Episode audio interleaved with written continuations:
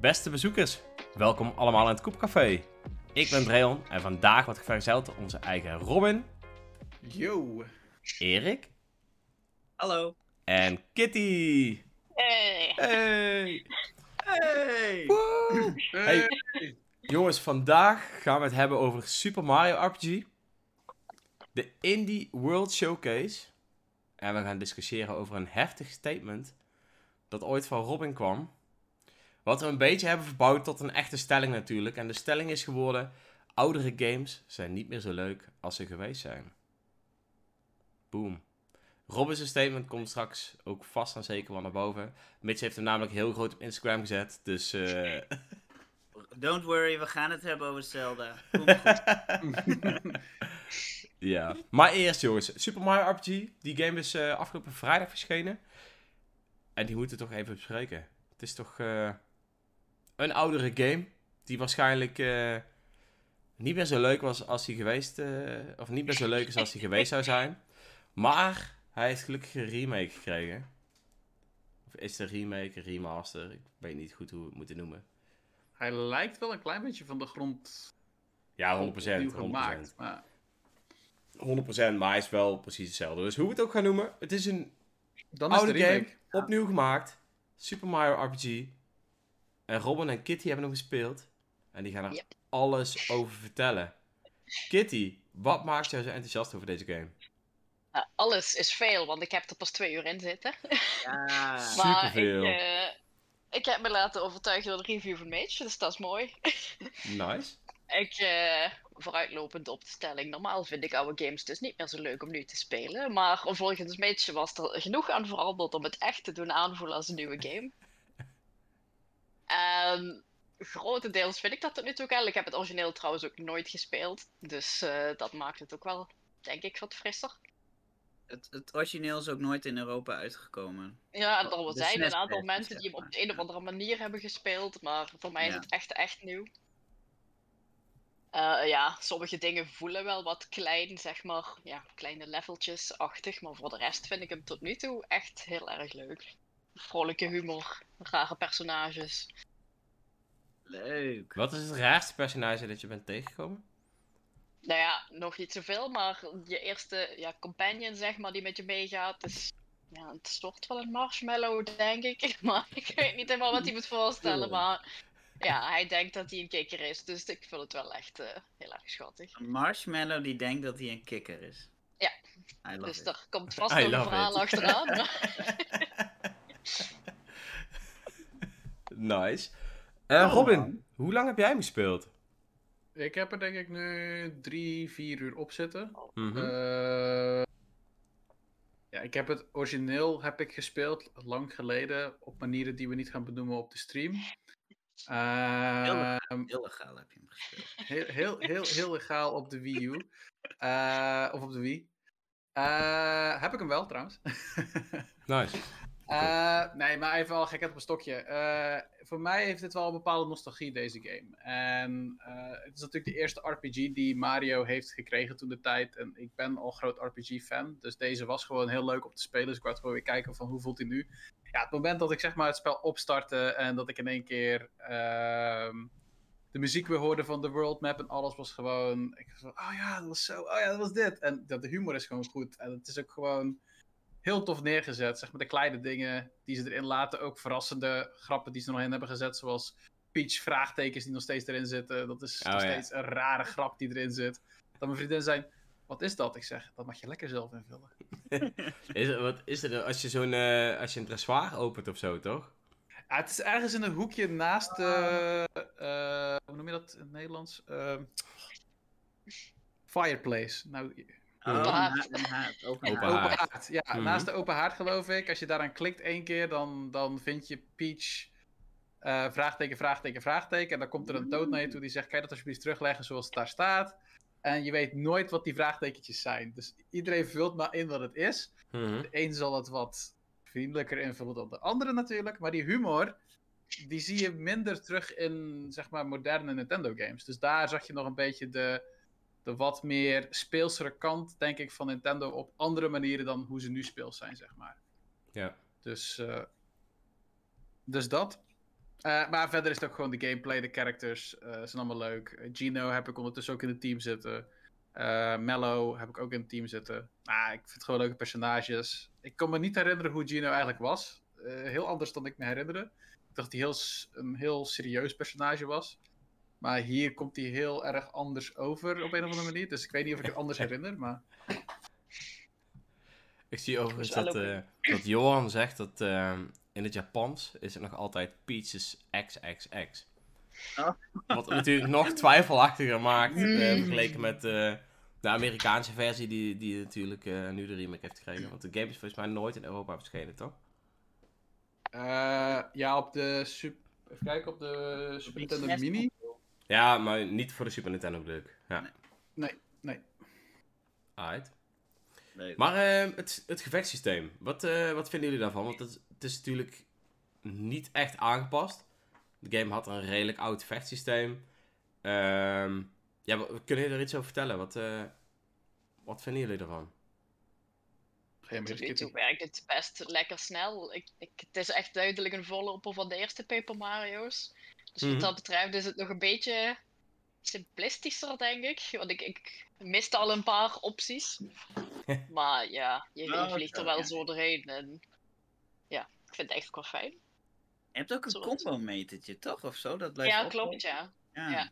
Ik had er in het begin heel veel moeite mee, maar ondertussen heb ik de timing, denk ik, Ah, erop. leuk. Nice. Dus eh, ja. Want de combo's gaan ook na de gevechten door, heb ik begrepen. Ja, dat idee had ik wel, ja. Ja. Ja, je Dus, neemt eh, het mee. Dus je hebt een chain opgebouwd. Eh, krijg je nu, elke keer als jij op het juiste moment een aanval uitvoert, op de juiste timing, dan zeg maar op de betreffende knop drukt, eh, dan hou je een chain. Dat kan ook bij Defender zijn. En hoe hoger die chain komt, hoe meer extra's je krijgt. Dat kunnen, ik geloof dat je zelfs boost krijgt van je stats. En jouw special eh, metertje die je aan de zijkant hebt om een super of een special Ah. move uit te voeren. Die eh, vult ook steeds sneller, dus de mate je chain hoger is. En wat mij gelijk opviel, wat ook niet, eh nou ja, ik denk verrassend is als je Soundtrack Sunday altijd schrijft, Nee. was dat na een chain van 5 de muziek ook verandert in de battles. En ik geloof Oh, zelfs bij een chain van 10 dat zelfs de overworld team verandert, maar daar ben ik niet zeker van. Dat kan ook gewoon even een placebo-effect zijn geweest, dus daar moet ik nog maar eens een keer goed naar eh, opletten. ja. Maar eh, van de gevechten is het heel duidelijk dat je opeens een soort van percussie in de achtergrond hoort spelen bij 5. Dus eh, dat vond ik echt heel... Ik had zoiets van, hé, hey, wacht eens even, dat is een heel andere battle team in één keer. Wat is dit nou? Dus, eh, en dat was elke keer bij een chain van 5. Dus eh Oké. En zodra die chain ophoudt, werd het ook weer normaal. werd het ook weer normaal. Ja. Episch. Ik zie eh, inmiddels dat Carina ook eh, is binnengewandeld in het café. Welkom. Neem een kopje koffie, zou ik zeggen. Ehm, maar de, ik, ik heb Super Mario RPG niet gekocht. Ehm, dat is even wat anders. zijn natuurlijk niet van mij gewend. Want meestal koop ik bijna alle games. Maar waarom zou ik deze game kopen? Ik heb Super Mario RPG op de eh, Super Nintendo... eh, of de Nintendo Entertainment eh, System Mini wel gespeeld. Ehm, is het allemaal wel waard? Het is gewoon precies dezelfde, precies dezelfde game.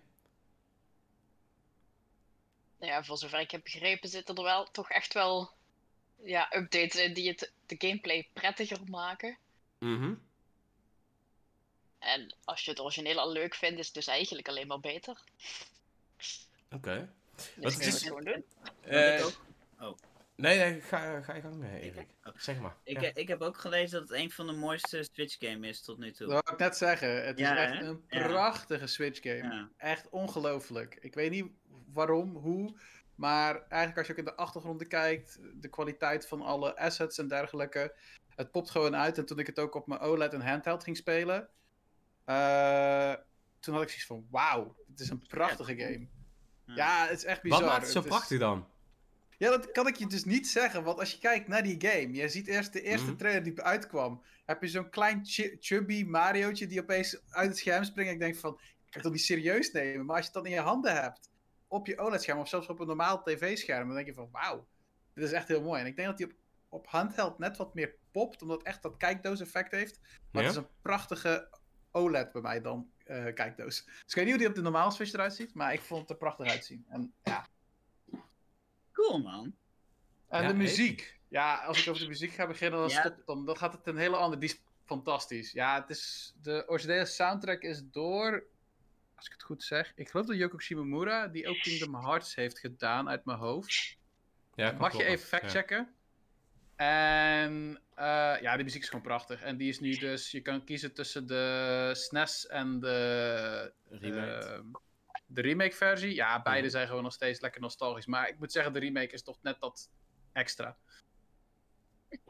Ik moest nice. wel even aan je denken, want dankzij Robin probeer ik nou wat meer op soundtracks te letten. En eerlijk gezegd vond ik hem zo vervelend dat ik het volume zachter heb gezet.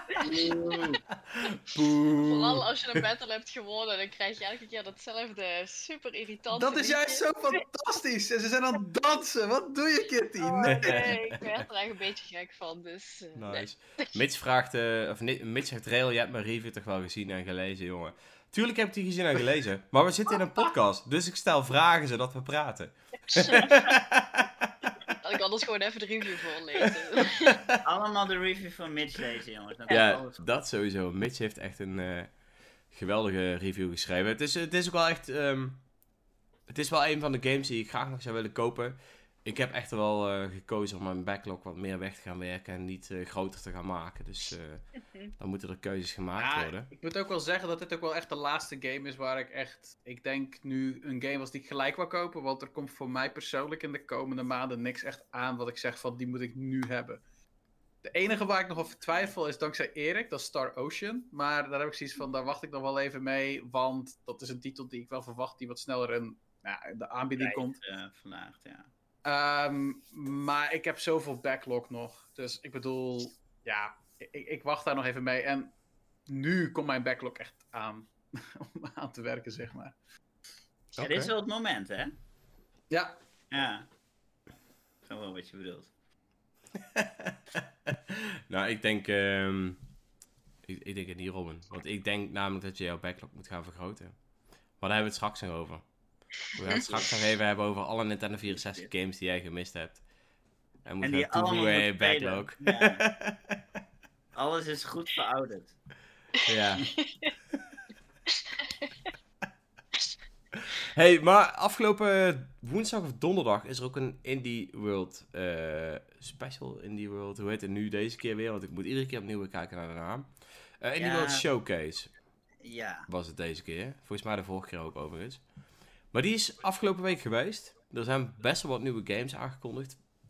Wat vonden jullie daarvan? Ik weet dat eh, Robin natuurlijk altijd een beetje de, de indie-liefhebber is. Dus wat vind jij daarvan?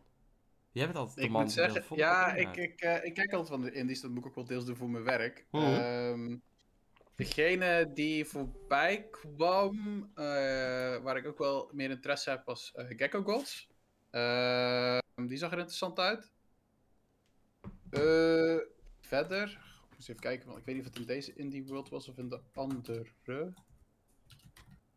Welke maand is het? November. Boom. Nee, ik heb hem niet. Niet een goeie. Nee, ik moet even kijken wat ze allemaal hebben laten zien nog verder. Hij was in Houdt zo- augustus zijn. Meestal is in augustus zijn ook. Nee, nee, nee, Howl nee, nee. vond ik ook. eh Howl vond ik fantastisch. Moonstone Island zag er goed uit. Ja. Eh, ehm, even kijken. Maar de haal zag er ook. Eh, ik hoor Robin niet meer. Robin! Nee. Nee. Owen. Ah, eh, Shanty Advance is er ook eentje die eh, heel erg eh, tof is. Ook vanwege het verhaal erachter. Want dit is een eh, game die was gecanceld origineel. Op de Nintendo Game Boy Advance, geloof ik. ja, En die is dus nu alsnog uitgekomen eh, op verschillende consoles. En voor Ja. de rest, ja, moet ik zeggen, dat zijn even degenen die voor mij even uitspringen, zeg maar. En ook van, ja, dat eigenlijk. De rest moet ik eigenlijk eens even kijken wat er nog verder allemaal is uitgekomen. Want ik heb nog niet alles compleet gevolgd. Ik heb eigenlijk uiteindelijk maar kort een beetje gescampt, want ik kon de Indie World niet live kijken. Dus Oké. Eh, ik denk dat we even moeten kijken. Wat is nou je favoriete game van deze showcase? Laten we even meteen boom gaan inzoomen. We hebben zoveel games. Kitty, heb jij zo een game waarvan jij zegt dat is mijn favoriete game? Nou, ik moet de helft nog terugkijken, maar Moonstone Island was sowieso eentje die meteen eh, eruit sprong. Want dat is volgens mij volledig mijn genre. Ja, dat is 100% jouw genre. Wel gemixt met volgens mij trading card, toch? Het Ja, was een ik vechtsysteem weet met het trading meer, card, dat volgens mij. was iets, Oh, het zag er sowieso Dat- echt dat- super dat mooi uit. nog vet. Ja, het is, ja, volgens mij was het een soort van mix van iets Ja, van deckbeelden. en- eh, Even het deckbeelden, geluid ja. maar wel cozy deckbeelder. Dus het is vast niet eh number crunching irritant. eh. Oh nee, nee, nee. Het zal wel lekker ja. bij en bij zijn. Maar dit is gewoon, ja. Dit is. Ik heb toevallig die game al wat langer gevolgd eh, op eh, Steam. Want daar is hij volgens mij al een maandje of drie voor, eh, voor verschenen. En de game ziet er zo leuk uit. Het ziet er en schattig uit. echt, En je kunt volgens mij iets van honderden eilanden bezoeken met een ballon. Je kunt je boerderij, of ja, een boerderijtje bijhouden. Je kunt volgens mij huisjes bouwen, spulletjes bouwen voor in je dorp of je eiland is het volgens mij in dit geval. Super episch. Maar lijkt het echt een hele vette game. Een van de honderd eilanden, ja. Ja, dat is, eh, dat is wel cool. Beetje Ja. wat exploration, een beetje kaartjes, eh, Ja, kaartjes bij elkaar rapen, mooi Ja, dekkel hoor. bouwen. een beetje rondhouden, een beetje vechten. Ja, nice. Dit is, Als, eh, als dit goed is uitgewerkt, zijn dit soort games altijd leuk. Ja. eh, ik zal even klappen. Ik zal even klappen. Op eh, Steam krijgt de game goede user reviews. Nou. Dus dit is wel een game waar wij echt wel naar uit moeten gaan kijken, ja. Episch. Robin. Ja, ik denk dat het voor mij Moonstone Island of The Gecko Gods gaat zijn. Oké, de Gecko God. Wat is de Gecko God? Eh, Wat is The dat? Gecko Gods is een, eh, ja, is een eh, als je kijkt, is het een, een soort van platformer eh, die met een klein gekkeltje is, dat je ook zeg maar puzzels moet oplossen. Je moet ook op muren gaan lopen en zo moet je uiteindelijk alle Oh, puzzels deze, gaan ja. oplossen. Ja, ja, ja. Die is tijdens. Kijken, een Indie World ergens rond 2020. En dat is een blurjaar, is die geloof ik een keer getoond. Eh, en dat was toen echt een highlight. Ehm, en ja, hij komt uit blijkbaar eh, ergens in de lente. Dus, dus ik ben heel benieuwd hoe dit uit komt te zien. Helaas. Helaas. Wat is helaas? Ik keek even of we op N1 Nintendo erover hebben geschreven, maar daar kon ik hem ook niet vinden. Er Slecht is altijd nog tijd. Erik, heb jij een, eh, een game op het oog? Ja, ik, eh, en een game die ook hele goede eh, Steam reviews heeft gekregen, dat is Outer Wilds. Dat is een open wereld avontuur. Ik weet niet, ik kan het genre niet echt beschrijven. Ik had er tijdens het schrijven van het bericht ook moeite mee. maar je zit gevangen in een soort tijdslus en je gaat, je gaat naar allemaal planeten in een groot zonnestelsel. En er gebeurt van alles. En eh, je gaat, ja, het is een beetje een soort No Man's Sky-achtige game. Maar dan wat in, van, in een compactere schaal, zeg maar. En die heeft ook hele goede eh, Steam reviews gekregen. En ook Mhm. onze Paul, onze Indie-expert, die zegt ook: Don't sleep on this one, folk. Dus ik ben hier wel heel eh, benieuwd naar. Nice. En weet je wat ook nog eens is? De muziek blijkt ook super goed te zijn Nice. van deze game. Dus eh, ja. nee, ik, ik, heb, ik, heb, ik heb heel af en toe als ik zeg maar gewoon shit aan het doen ben waarbij ik moet nadenken, heb ik een Spotify-lijst met muzie- muziek van games, zodat ik gewoon lekker kan werken en niet... Ja, eh, lekker eh, van mijn eigen muziek heb ik dat, ja, dan ben ik te veel met de muziek bezig. Maar ik heb de Magic Shuffle aangezet, waardoor je soms opeens muziek krijgt die je niet in je lijst hebt zitten. En er komt regelmatig eh, muziek van de Outer Wilds voorbij, dus... man. Ja, die game ziet er echt, echt heel vet uit. Ik ben heel benieuwd. Komt volgende maand uit volgens mij al. klinkt episch. Ja, Je hebt er zin in. zeker. Zeker. zeker. Ik heb namelijk ook nog een game. Ik En ben benieuwd. ik ben eh, heel benieuwd waarom eh, niemand van jullie hem ook maar opgenoemd heeft tijdens deze podcast. Maar ehm Corekeeper. Nou gaat iedereen vlug googlen. Ja, Wat is nee, Corekeeper? Ik moet echt niet opzoeken. Eh, heeft zie je zoeken. ik, heb hem wel, ik had hem wel gezien, maar Er is over geschreven, ja. niet Ja, Het sprak me niet. Ja, het spreekt me wel aan. Alleen. Ik moest de keuze maken over iets anders. Het is oké, Robin. Ik zal het je vergeven. Maar ik zal ook even uitleggen wat Corekeeper is. Ja, ja. Nou, Corekeeper is eigenlijk een game... er fantastisch uit. ja. Ehm, ik heb hem toevallig ook op, eh, op Steam. Dus ik heb hem ook al een beetje gespeeld. Nog niet heel veel. Maar het is een, eh, een multiplayer game waarbij je dus een basis kunt bouwen, kunt minen eh, en ja, eigenlijk moet overleven in een soort van eh mijnwereld. Je komt ergens terecht, je moet je, moet je een, een weg naar buiten zien te, te pikhouwelen. Wat is het woord daarvoor? I don't know. Minen. Hakken. Hakken, ja. Je, moet in ieder geval dus gewoon tunnels maken en eh, grotere grotten vinden. En zo steeds verder je, je weg zien te vinden in deze eh, ondergrondse wereld. Eh dat gaat dan gepaard met eh, het, het farmen. Dus het stukje wat jij heel leuk vindt, Kitty. Maar ook met vechten. met het bouwen van, ehm, van huizen. Het bouwen van bijvoorbeeld een baan voor minecarts. Noem het maar op. En dat, dat begint heel simplistisch. En dat wordt allemaal steeds complexer. Ehm, en het mooie aan deze game is ook nog eens dat je hem online kunt spelen met, met vrienden. Oh, ik weet niet, onze website geeft aan, ik, want ik heb het eigenlijk tijdens de prestatie, eh, heb ik in ieder geval niet onthouden, eh, dat je met acht man online kunt spelen.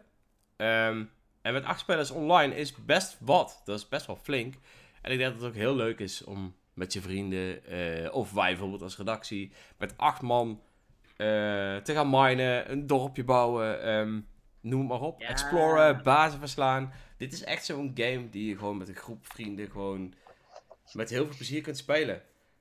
The Return of the N1 Upstream. I love it. Ja, heel vet. Ik heb er zin in. Eh, in 2024 verschijnt hij in de zomer.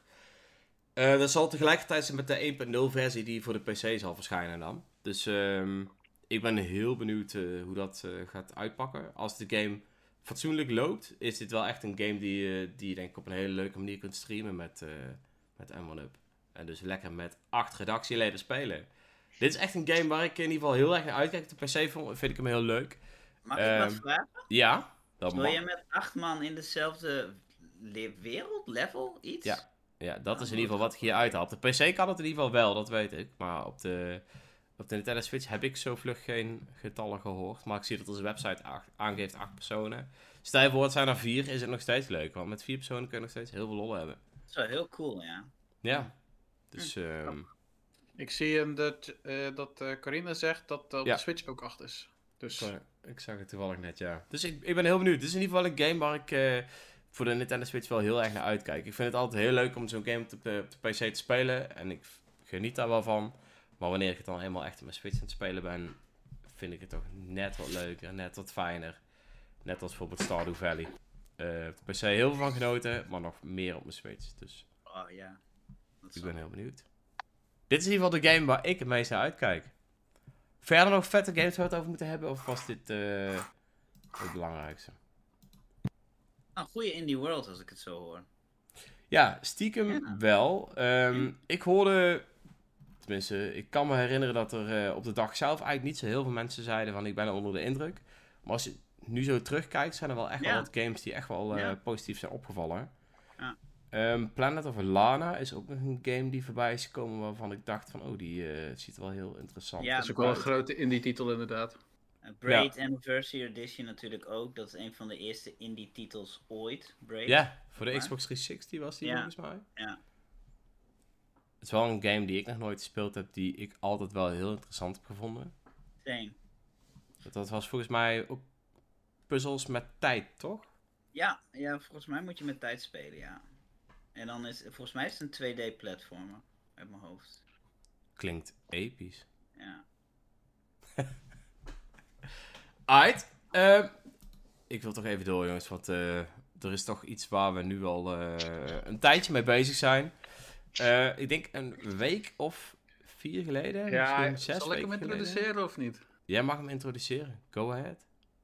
Wij hadden een paar, ja, ik denk een goede paar weken geleden hadden we inderdaad een discussie waar ik de statement maakte dat ik liever Pokémon Scarlet en Violet speelde dan The Legend of Zelda Ocarina of Time. Dreon die was Oh, bijna, die, die explodeerde niet, die implodeerde. Dat was gewoon, dat was gewoon... is nog erger dan... Dat, dat ja, dat is, nog, dat is nog erger dan wat je leest op Instagram, hè? Ja. Yep. Ja. Maar dat was eh, eigenlijk de reden waarom ik het zei, was dat ik veel liever nu modernere games speel dan oudere games. Maar dat is ook wel afhankelijk van welke game we natuurlijk over praten. En ik benoemde toevallig ook in of Time, omdat ik weet dat heel veel mensen die tof vinden. En ik denk, ja, het heeft waarschijnlijk. Het is nu, even kijken, 25 jaar geleden dat die game is uitgekomen. eh, Ondertussen. Vandaag. Dus, eh, Nee, zelfs. en laat ik het al voorop stellen. Wat die game en ook wat Nintendo 64 games hebben gedaan. Nee, nee, nee, je gaat nou niet je punt al Nee, nuanceren. nee, Nee, nee, nee. Ho, ho, ho. Je gaat niet je punt al nuanceren. Ik ga hem niet nuanceren, want ik blijf bij mijn mening. Nee, nee, maar nee. er is een één klein dingetje. Ik vind het nog steeds niet leuk om te spelen. Maar het effect dat ze hebben gehad op de gaming-industrie, Nee, kan je nee, nee, niet die- onderschatten. Ja, dat is zeker waar, maar dat was wel een hele leuke geweest voor dadelijk. Ehm, Sorry. dat moest ik er wel gelijk inzetten, want dat is ook nooit wat ik had gezegd. Dus dat is ook wel Nou, gelijk Robin heeft de statement discussie al uitgespeeld. Het is, Ja. eh, Ja. Tadaa, klaar. nou jongens, dit was de podcast. Tot de Ja. volgende keer. Ja, wat. Maar even serieus, Robin. Ehm, dat statement wat je maakte was, natuurlijk, eh, was natuurlijk redelijk heftig. Ehm, Ja. Net hoorde ik de woorden Ocarina of Time en Sai in ieder geval binnen 20 woorden bij elkaar. Of 20, ja, 20 woorden ongeveer eh, bij elkaar. saai? Ja, dat, Ja, ja. ja. En dat eh, Oh, oké, deed me pijn. Mijn hartje.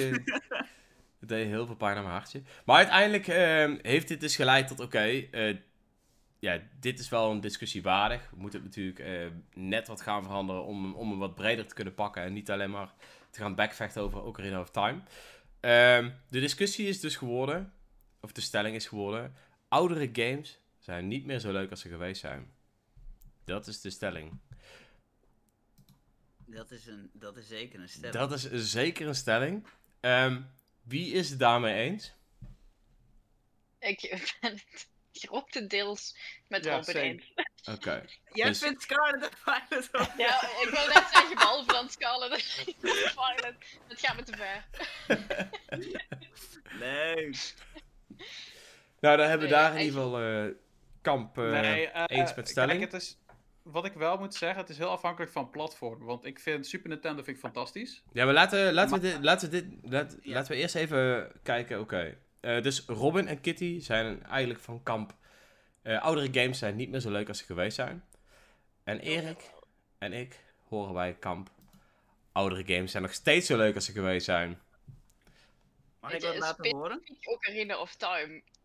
was Jij mag zeker iets laten Ik horen. wil iets laten horen. Je mag het laten horen. laten Oké, horen. Hij heeft echt gewoon zijn Swiss erbij voor gepakt. komt ie, komt ie. Kippenvel. Nou, ik wil hem eigenlijk hier doen. Maar ik doe het hier. Oké, kippenvel. Harder. Ik hoor niks. Niks. Oh nee. Ik ben bang Horen jullie? dat onze lieve Nee. Discord het Oh. allemaal Dat wegfiltert. is, dit is zeer jammer. Maar, jongens, gelukkig. opening theme van het spel is wel Dus een van de dit- beste soundtracks Dit ooit. is absoluut. Ik heb de opening soundtrack van Ocarina of Time moeten horen. En alleen als ik dat al hoorde, denk ik, ah. ja, een- ik wat een word er wel game, nog steeds heel erg vrolijk van. Ik kan hem wel speciaal voor iedereen die nu aan het luisteren is nog even laten horen. Dus eh, Ja. ik denk dat dat ook gewoon maar eens even moeten doen. Maar dan moet ik hem wel kunnen vinden op YouTube. Anders moet je de... Of Time Theme. Grappig dat hij dan. Misschien is het Ja, ik heb hem gevonden, jongens. Dit, dit, dit wordt episch. Dit, jullie horen hem niet. Maar ik zou zeggen, google hem even en luister ook. Ik doe mijn switch wel weer aan. Oh, daar komt hij, jongens.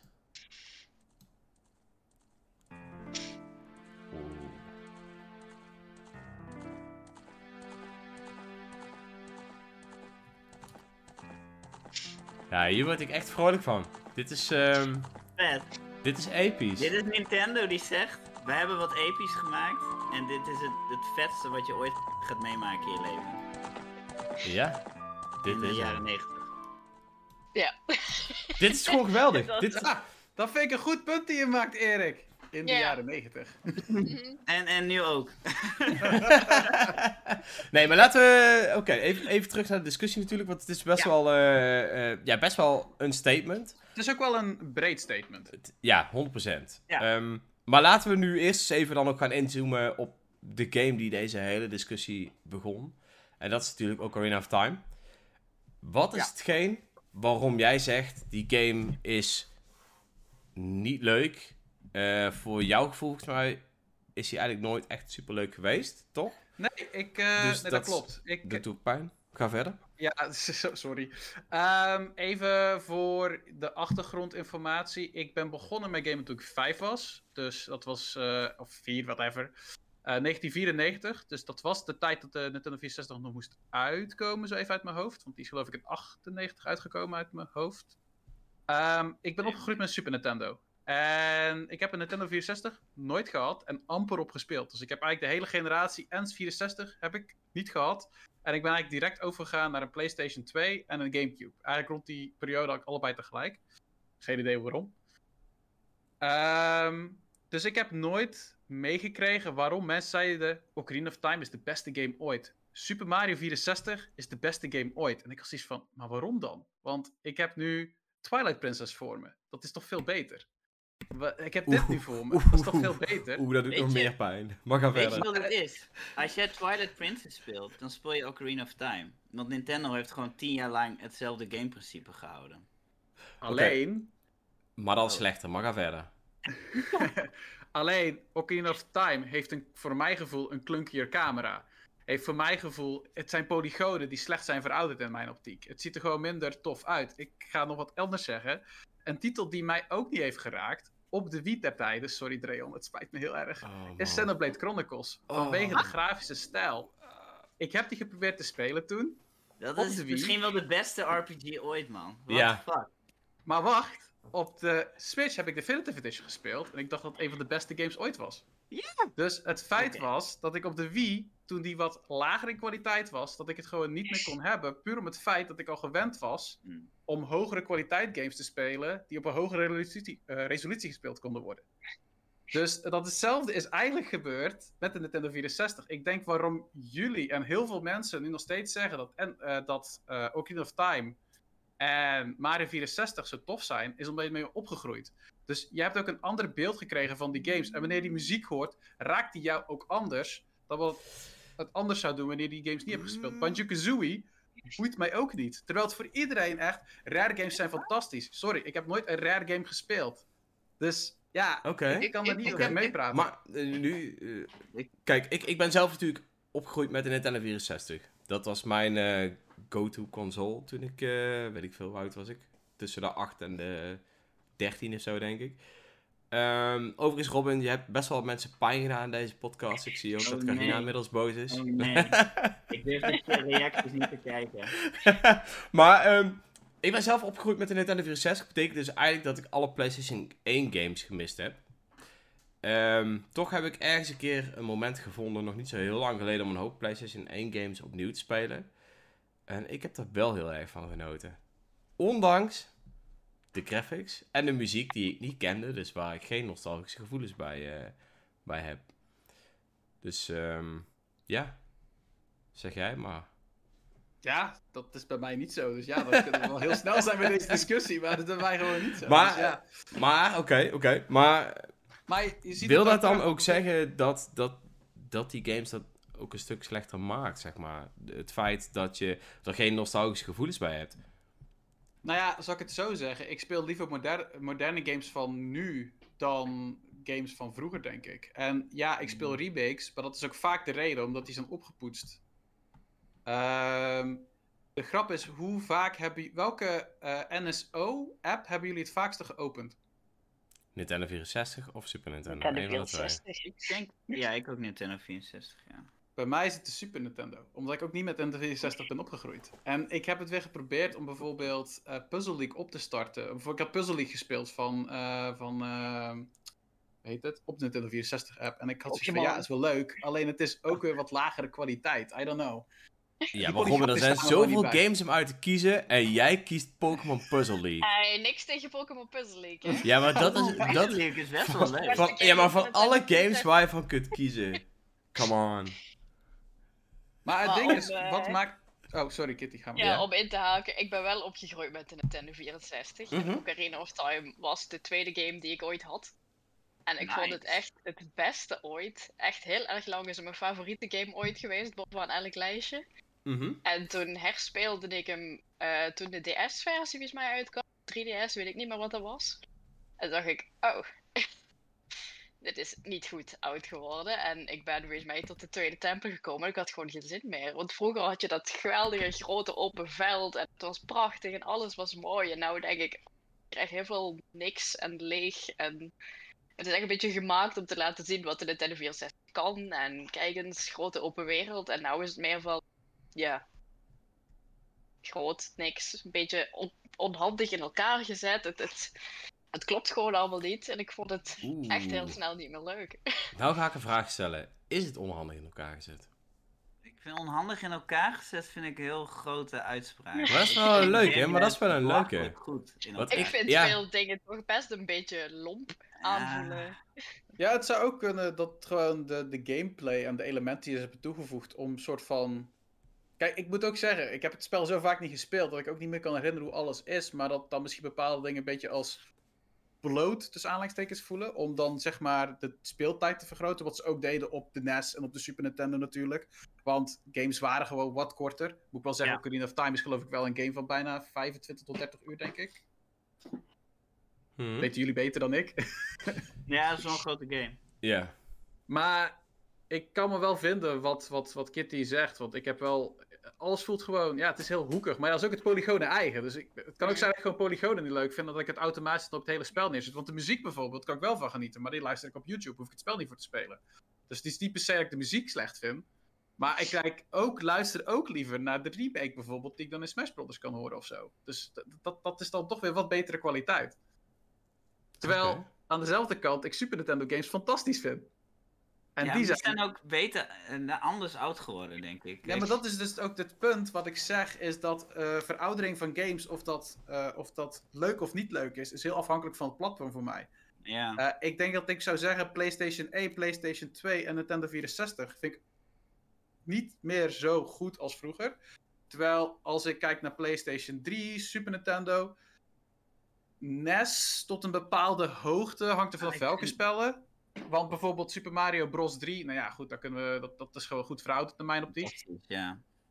Eh, maar, eh, ik bedoel, de allereerste Zelda, ja, daar moet je maar van houden. Want het is echt van, hier is Breath of the Wild, maar dan vroeger. Zonder hint. Zonder hints, ja. Hier komt maar een guide. Volgens mij staat er ook letterlijk een guide bij het spel. eh Ja. wereldkaart. Ja. Klopt. Ehm, Oké, oké. Eh, maar, als je, kun, je- maar kun je ook verder kijken dan bijvoorbeeld alleen de grafische stijl? Ja, ik kijk naar de gameplay en die vond ik ook clunky. En waarom is die Camera bijvoorbeeld. Ja, als je kijkt, Mario, Mario 64 bijvoorbeeld, heb ik op de, had ik op NSO gespeeld, of die heb ik wel eens een keer bij iemand even gespeeld of zo. En die camera zat me alleen maar in de weg bijvoorbeeld. Die speelde niet lekker. Fantastisch dat Mario in 3D was, hè? Loopt die camera niet automatisch achter je aan in Mario Je 64? kunt hem wel draaien. Je kan een klein Nee, je kunt, beetje sowieso, je kunt sowieso met de Z-knop van de meest onhandige controle van de hele wereld. Ehm, Nee, fantastische controle. ja, ja die, is, die is perfect ontworpen voor mensen met drie armen. Ehm,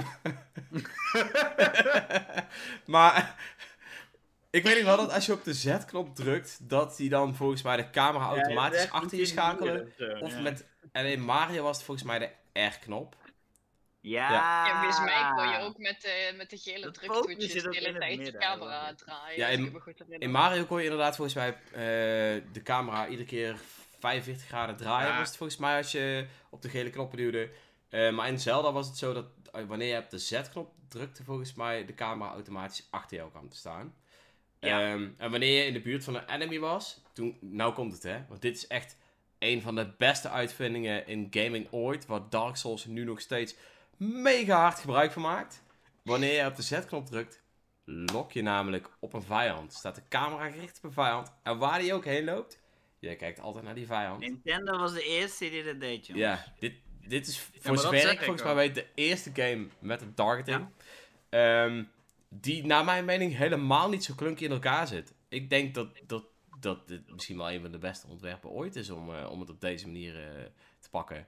Ja, maar die zijn wel ondertussen verbeterd. Ja, ja, verbeterd. Ja. Ja, maar dat is mijn hele ding. Als jij... Volgens mij is er niet- heel veel veranderd hoor. Want wanneer jij, wanneer jij lokt op een vijand, is het nog steeds Ja. dat de camera. Ik, je kunt dat niet meer wegdraaien. In Dark Souls bijvoorbeeld nog steeds. Sterker nog, ik, Ik denk, denk dat, dat het- het ik denk dat ze juist minder van- verbeterd zijn, omdat de knop waar jij tegenwoordig mee richt, als je die per ongeluk indrukt, dan target je zelfs in de meeste games. Wat het misschien niet eens altijd even makkelijk maakt. Is terwijl mij je niet opgevallen. probeer, ja, check het eens uit. eh. No- no- Ja, meestal in de meeste games gebruik jij eh, R, of ja, de rechterstick om te sturen. En wanneer je dan op R3 duwt, is het R3?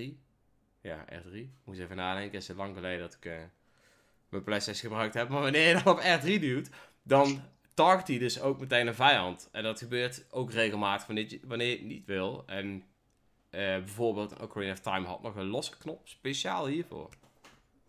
Ik Is het denk dan dat het wel- verbeterd? Ja, ik denk ook dat het afhankelijk is van wat zijn de andere zijdingetjes die erbij komen kijken. Zoals camera distance en hoe, zit de hoe dicht zit de camera zeg maar, op de character. En ehm, welk spel was dat nou? Er was een spel waar mensen zeiden van... Oh wauw, het is zo fijn dat we verder van het personage af zijn dan anders. Ik kan me niet meer herinneren welke het is. Dat zeg maar een kleine verandering van hoe de camera in deze serie stond bij het personage dat dat zoveel meer deed in de beleving van het spel, zeg maar. En ik denk dat bij Nintendo 64 spellen, hoe ik ze me nog een beetje kan herinneren, zeg maar, dat het een vrij dichte eh, distance was. Ten eerste omdat je met een andere resolutie aan het spelen was, dus alles was gewoon kleiner, dus het moest dichterbij zijn. En Ja. nu heb je allemaal natuurlijk tv's die 4K aan kunnen, resoluties zijn groter, dus dingen kunnen ook veel verder van elkaar af zijn. Dus Mhm. die targeting die toen was, was automatisch tussen aanhalingstekens in mijn optiek klunkier, omdat je ook op een kleiner, eh, ja, kleiner vakje zat, waardoor ook bijvoorbeeld als je misschien tegen een vijand moest vechten. Ik kan me herinneren, hoe heet die ook alweer, van de watertempel. Dat ding, dan zat ik in een hoekje, dan moest ik erop targeten en opeens zit mijn camera in de muur, zeg maar. Dus ja, dat die kleine wel, dingen, en dat gebeurde vaker bij die games, zeg maar. En ja, goed, Mario Mhm. gebeurde ook wel wat vaker. Ehm, doet dat niet zeggen dat het element dat het heeft toegevoegd toen der tijd fantastisch is. Maar ik denk dat het nu veel verbeterd is. Als jij mij nu zou vragen, ga je Ocarina of Time spelen of Tears of the Kingdom? Kies ik Tears of the Kingdom.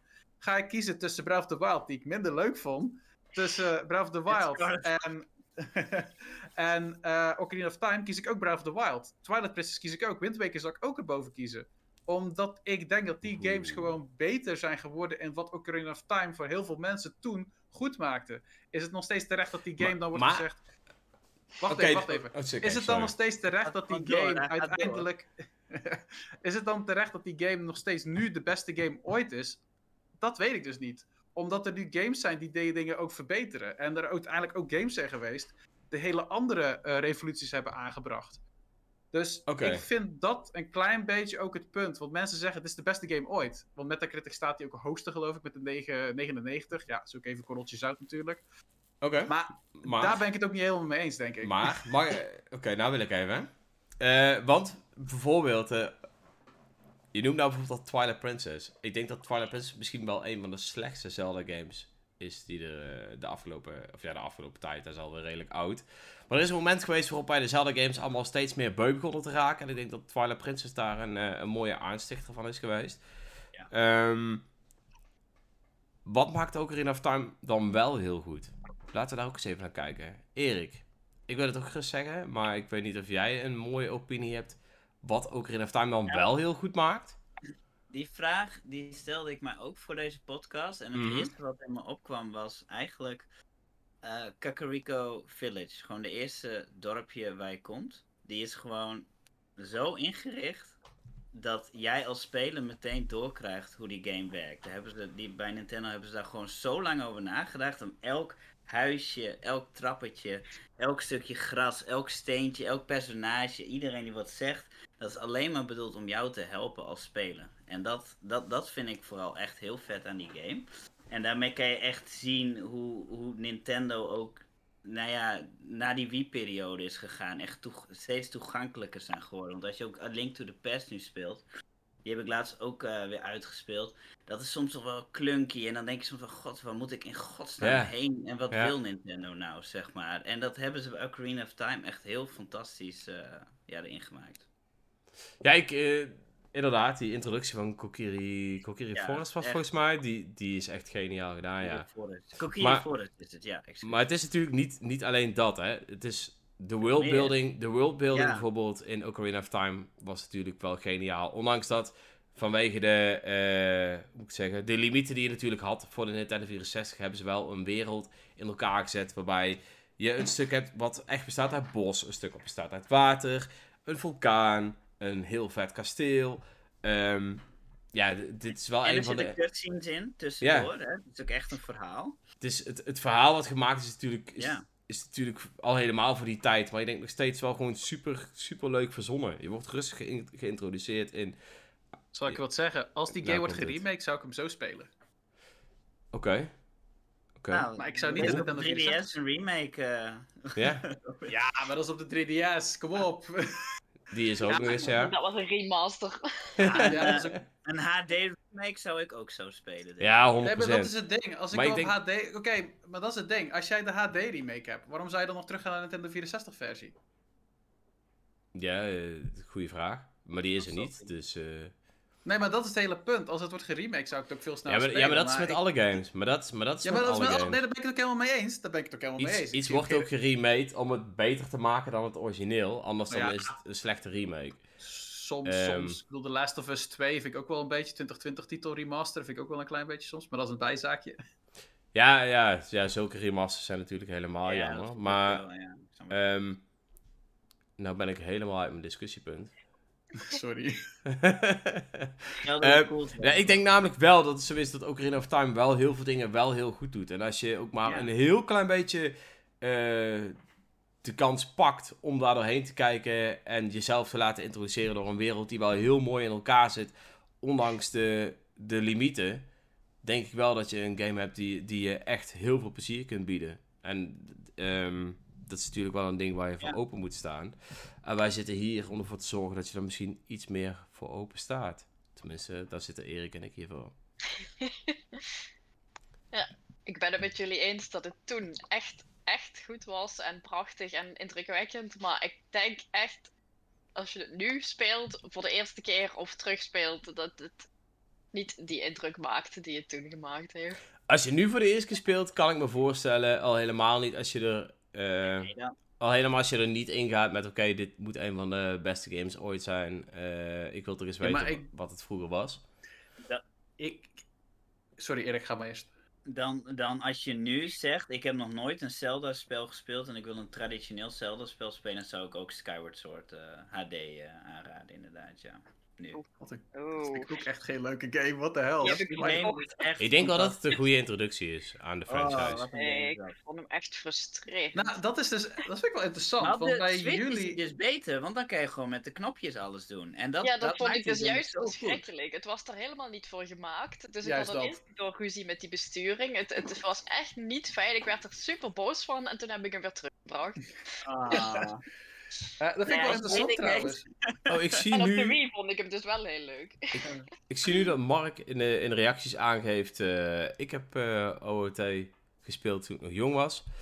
Eh, mijn vriendin heeft het spel nooit gespeeld en heeft geprobeerd aan de hand van de liefde van Breath of the Wild. Ze had er wel moeite mee, maar kwam er zeker wel achter dat het spel onwijs goed in elkaar zit. En ik denk dat dat ook wel hetgene is wat je moet doen. Je zult wel even, eh, even door de zure appel heen moeten bijten en moeten, moeten bedenken: oké, het is een oudere game. De graphics zijn wat verouderd. Ik zal echt wel moeten wennen aan de besturing. Maar ik denk dat als je ook maar de moeite neemt om daar doorheen te bijten. En gewoon eens kijken, oké, wat, wat biedt het spel nou voor verhaal? Want het, het, spel introduceert je heel rustig aan eh, de jongen genaamd Link. En voor de eerste Ja. keer zie je Link ook echt, zeg maar, als een personage. En niet die 2D-sprite die je natuurlijk eh, altijd gezien hebt.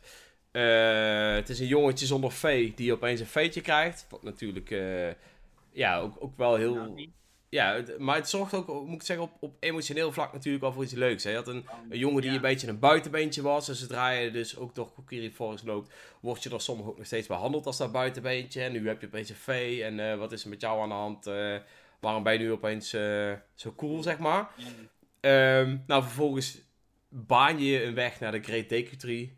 Eh, daar wordt je verteld, of ja, daar moet je eerst een probleem op gaan lossen. Ehm, en daarna wordt een beetje verteld wat nou jouw eh, eh, your destiny is, zeg maar. En zo ontpopt dat verhaal natuurlijk in een heel groot verhaal. Dan ontmoet je de prinses, dan kom je voor de eerste keer de, de evil bad guy tegen. Die ook, vind ik zelf tenminste, voor de eerste keer in de Zelda-game echt indruk maakt. Want Ganondorf Ja. is, is een van de beste bad guys, denk ik, ooit verzonnen.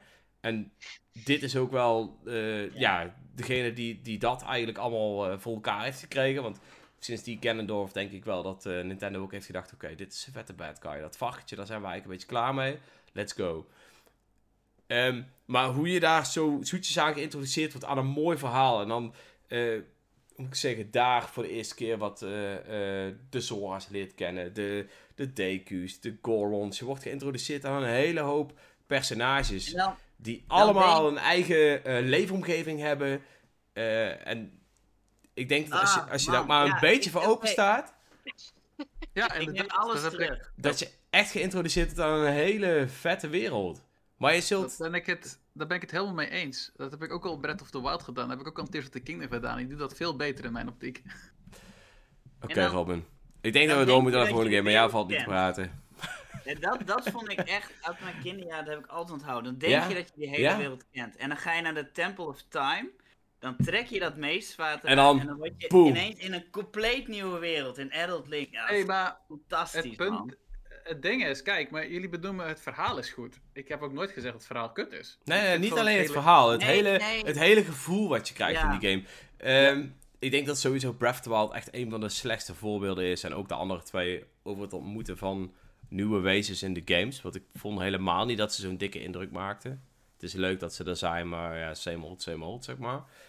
Ehm, ik maar denk dat ook Arena of Time dat, dat- juist wel voor de eerste keer wel echt heel goed deed. Je wordt voor de eerste keer echt geïntroduceerd aan een...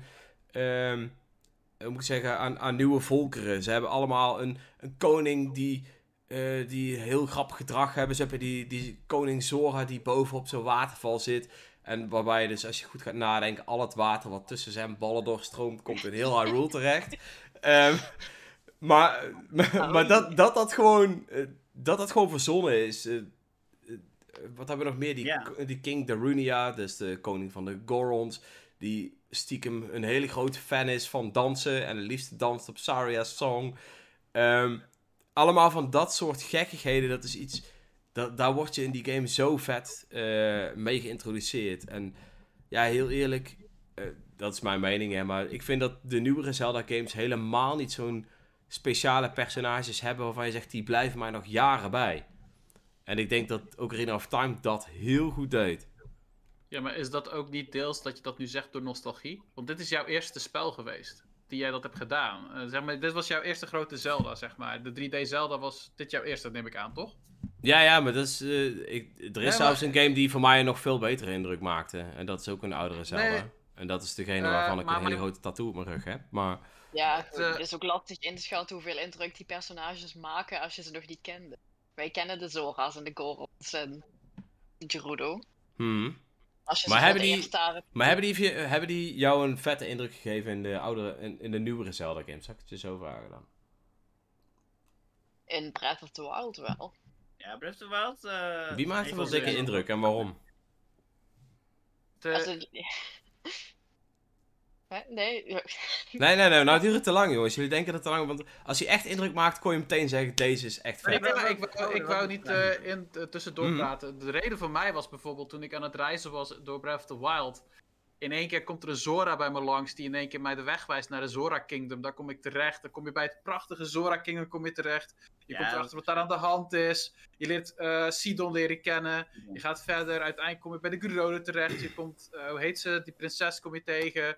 Vervolgens eh, kom je bij de Gorons terecht. Je komt daar problemen tegen. Eh moet ik wel zeggen, bij de Gorons, die vond ik wel minder sterk. Maar ik vond ook sowieso die hele beast vond ik niet zo heel boeiend. Eh, dat terzijde. Eh van de Rito vond ik fantastisch. Dat je uiteindelijk mee in de lucht gaat. En dat je daar zeg maar samen gaat vechten. De manier hoe deze zijn geïntroduceerd was... Omdat je met de Sages ging je samen op pad, zeg maar. Of de... Wat zijn ze het? Ehm, niet de Sages, hoe noem je ze nou? Breath of the Wild. Volgens mij is, is Sage's goed. Is het de. Sage of een heel benoeming? Ja, maakt nee, niet uit. Eh, nee, de, Nee. Champions.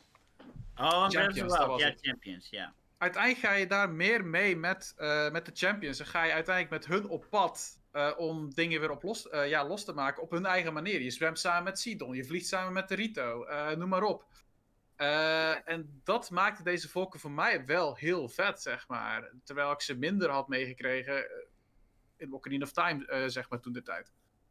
Puur verhaal technisch vond ik Breath of the Wild minder sterk dan Same. Ocarina of Time. Maar de wereld 100%. aan zich heeft echt wel stevige indruk gemaakt. Ja, ja, het is natuurlijk wel de eerste, game, eerste Zelda-game met zo'n grote wereld. Dus, ehm, Ja, maar Dat ook gewoon echt mooi maken. vormgegeven en sfeervol en kleine huisjes waarvan alles een is. En echt een, ja, steden die leven. hmm. Wat ik wel interessant vond, wat je eerder zei, was dat Twilight Princess jullie uiteindelijk een soort van... Ja, dat was de eerste game die wat moeheid veroorzaakte bij Zelda-fans. Dat is de grap. Ik heb dus Ocarina of Time en Majora's Mask toen de tijd niet gespeeld. Dus voor mij was Twilight Princess degene die ik daarna speelde. Toen Wind Waker was daarna, geloof ik. En Skyward Sword was de game bij mij waar ik zelfs van... Ja, ik ben nu wel klaar met deze Zelda's. Ja, had ik ook toen in 2011, ja. Oh nee, En- bij mij was het echt Twilight Princess. Holy shit, die game bestond echt alleen maar uit stukje buitenwereld, dungeon, buitenwereld, dungeon, buitenwereld, dungeon. Je had acht dungeons. Op een gegeven moment, ik denk dat ik na de zesde dungeon was ik eigenlijk alle dungeons beu. Die ook nog eens redelijk op elkaar leken. Tot die laatste, dat was volgens mij die lucht, eh luchtdungeon. Die vond ik dan wel, wel heel vet. Ehm, zelfs die mansion waar iedereen lovend over was, ja, toen was ik het eigenlijk zeg maar al een beetje beu. En dat is, dat is jammer, maar... Nee, Twilight Princess was voor mij wel echt de game waarbij ik er klaar mee was. Zelfs toen die nieuw was en ik mijn net nieuwe Nintendo Wii had, vond ik het wel leuk, maar niet zo vet als ik had gehoopt. Ehm, ik denk, we moeten ook even verder en niet alleen bij Zelda blijven hangen. Ehm, maar laten we ook eens even verder kijken naar bijvoorbeeld games als Banjo-Kazooie. Ik denk namelijk dat die game nog niet eens zo slecht oud is geworden. Nee, die game Nou is ja. echt leuk. Ik heb hem opgestart op eh, ook. is dat, NSO Plus. Ja? Maar ik was er eigenlijk vrij snel weer klaar mee. Waarom? Ze- Ja, ik vond het saai. Ik had het wederom veel leuker in herinnering. Dit heb ik echt kapot gespeeld. gewoon. Hm? Nou dacht ik van ja, het, het, het loopt niet lekker. Het, het speelt niet lekker. Ik, eh, En wat de, de, loopt de en speelt niet lekker? vond- de- ik vond de hubwereld te chaotisch. En ik was eigenlijk constant een beetje van, wat, ja, ik vond het gewoon lelijk. Eigenlijk een beetje Robins probleem, denk ik. Oh, damn, jongens. Ik denk als die spellen... Ja, als alles geremaked wordt, dan is het geweldig. Dat snap ik. Maar... Ja, nee, maar als remake vind ik veel eigenlijk helemaal niet leuk. Omdat de wereld gewoon uiteindelijk gebouwd is voor de tijd van toen. En de dingen zijn net te groot en net te leeg en net niet... Een, eh, een spel die ik heel tof vind, nog steeds. Het staat heel hoog op mijn lijstje, maar ik wil ze niet terugspelen. Om één reden. Dat het leuker is in mijn herinnering dan het eigenlijk is. En dat is eh, Fire Emblem Path of Radiance en Fire Emblem Radiant Dawn. En ik had toevallig eh, toch een keer een playthrough gekeken van iemand die de Gamecube-versie aan het spelen was. Mhm.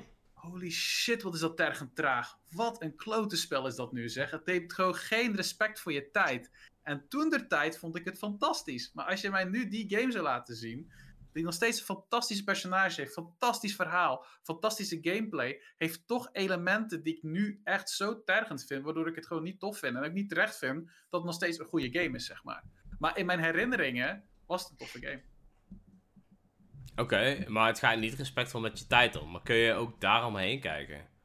Kun je ook zien wat de game dan nee, wel goed niet meer, doet? denk ik. Of, Ja, of- dat, sure, maar dat, dat zei ik in het begin ook al. Wat Ocarina of Time en Mario 64 bijvoorbeeld hebben gedaan. Even, en Banjo-Kazooie waarschijnlijk ook tot een zekere Nee, maar hoogte. ik bedoel niet als zijnde wat het eh, voor legacy met zich meeneemt. Maar kun je ook wel gewoon nog naar een game kijken en zoiets over het hoofd zien? Of heb je dan gewoon echt zoiets van, yo, ik ben er klaar mee? Want dat is een ding waar wij zo te zien echt niet mee op één lijn liggen.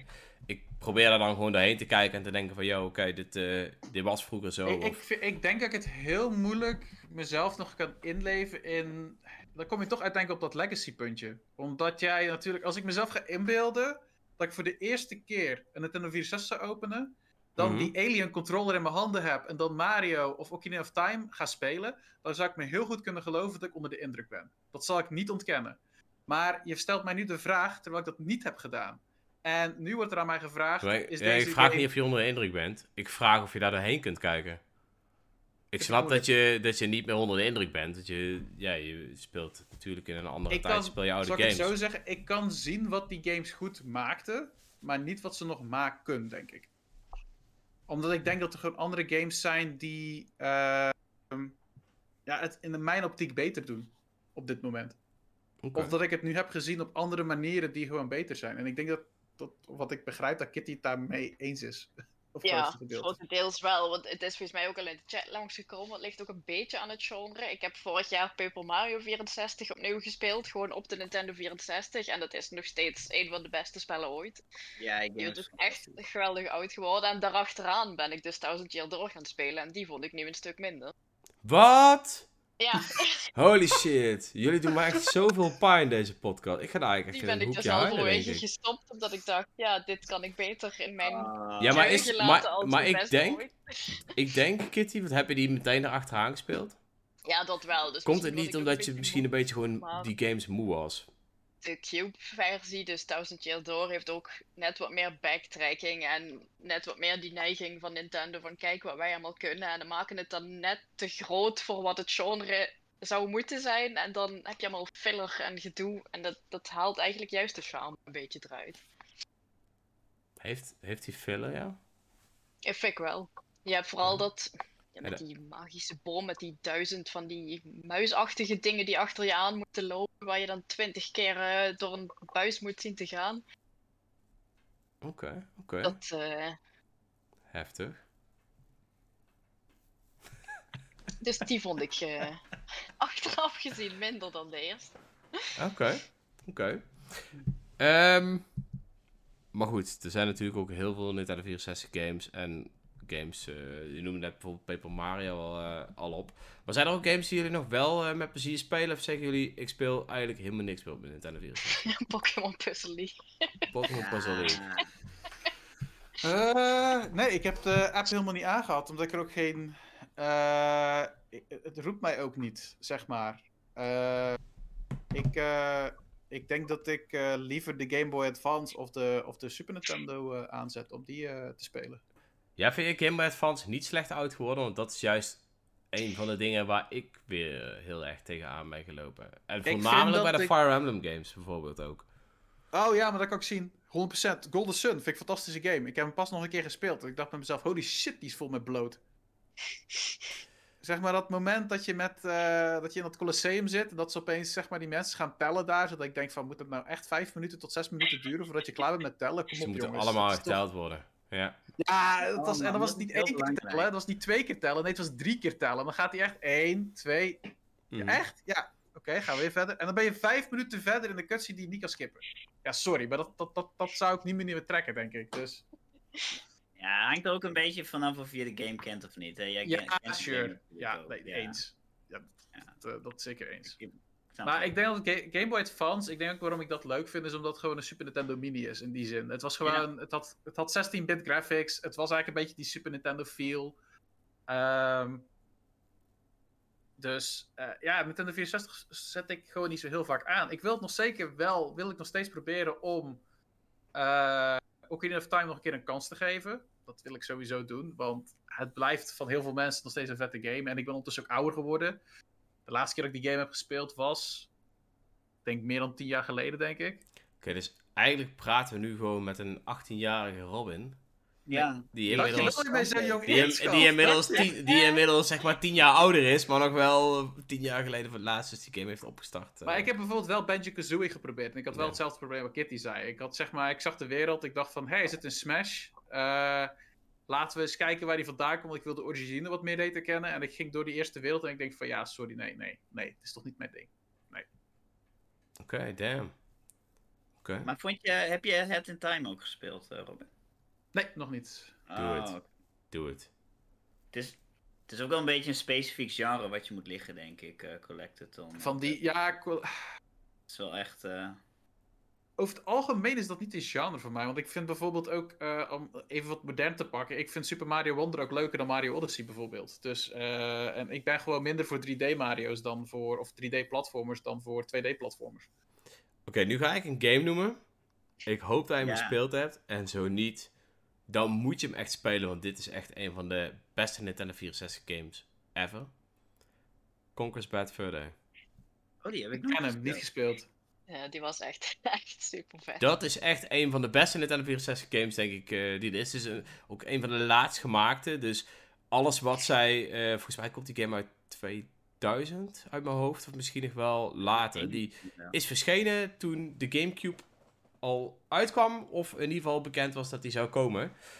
Ehm, daar hebben ze dus heel veel dingen opgepakt die ze eigenlijk geleerd hebben natuurlijk door het zoveel jaar ontwikkelen voor de Nintendo 64. Eh oh, 2001 zie ik hier eh, Ja. gezegd worden. Dus dat is al een wat nieuwere game. Ehm, maar dit is een game waarbij je eh, een eekhoorn speelt die heel erg grof gebekt is. Eh, gemaakt door Rare, wat overigens wel heel grappig is, want die eh, hebben eigenlijk altijd Ik heb, eh, kindvriendelijke games gemaakt en toen kwam Conker. Ehm, maar ik, in, heb de, ep- ja, je ik hebt heb de, epische scène gezien op YouTube met de Great Giant Pooh. Oh, die heb ik ook The gezien. Great ja. Mighty Pooh. Ja, ja, dat is wel een van de eh, meest bijgebleven Die eindbazen game is wel echt van, meme eh, die materiaal. Ja, maar, dat is, maar dit is dus wel een game, hè. Ik zeg niet dat die eh, niet slecht is verouderd, want die ziet er natuurlijk ook wel minder goed uit. Maar je ziet wel dat ze hier al heel veel hebben geleerd in dat Nintendo 64 tijdperk. En eh, dit is denk ik wel een van de beste games om te spelen, om je niet te veel te irriteren aan hoe verouderd het is. Denk ik. Ehm, het is ook een game die vol zit met referenties naar films eh, van die tijd. Dus eh er zitten volgens mij referenties naar de Matrix in. Er zitten referenties naar Saving Private Ryan in. naar Alien. Ehm, Ik heb het gezien, geloof ik. ja, het is, het, is gewoon een, eh, het, is, het is gewoon een hele grappige game waarbij je dus gewoon een hoofdverhaal volgt. Die al nergens op slaat. Want jij bent een eekhoorn die met zijn zatte kop in een of andere wereld terecht is gekomen. Eh, waarvan die dus niet weet van, ja, waar ben ik en hoe kom ik hieruit. Eh, vervolgens eh, blijkt dat een koning jou wil hebben. Ehm, je vraagt je natuurlijk af waarom die koning jou heel graag wil vangen. Maar die heeft een tafel naast zijn troon staan. En die staat hier zo netjes naast hem. Daar hoort een glas melk op. Ehm, die tafel die heeft op een of andere reden heeft hij maar drie poten in plaats van vier. En die valt om. Ehm, uiteindelijk komt er dus een, eh, ja, een of andere nutty professor komt, eh, naar die koning toe om te kijken wat het probleem is, meten en oké, oké. Ehm, ja, het is dus zo lang en dat is precies zo lang als die eekhoorn. en omdat, dus Conker dus, die moet onder die tafel komen te staan om het glas melk op die tafel te houden. En dat is eh, meteen het hele verhaal waarom, waarom de slechterik jou probeert te vangen. Jij moet proberen te ontsnappen uit die wereld en dat gaat gepaard met fucking veel grove humor. Er zit seks in, schelden, heel veel bloed, heel veel, eh, ja, noem het maar op. Alles wat eigenlijk eh, normaal gesproken niet hoort in een game met een schattige eekhoorn. En ik denk dat dit wel een game is die je misschien eens zou moeten proberen. Eh, het is wel een hele zeldzame game. Dus dat is weer een andere kant van het verhaal. Volgens mij is die in doos redelijk onbetaalbaar. En zonder doos is die volgens mij nog 80 tot 100 euro of zo. Dus eh, dat zijn flinke prijzen. Maar dit is denk ik wel een game, dus zul je misschien eens moeten kijken, Robin. En waarvan je denkt van dit is wel een Nintendo 64 game die ik misschien wel zou willen spelen.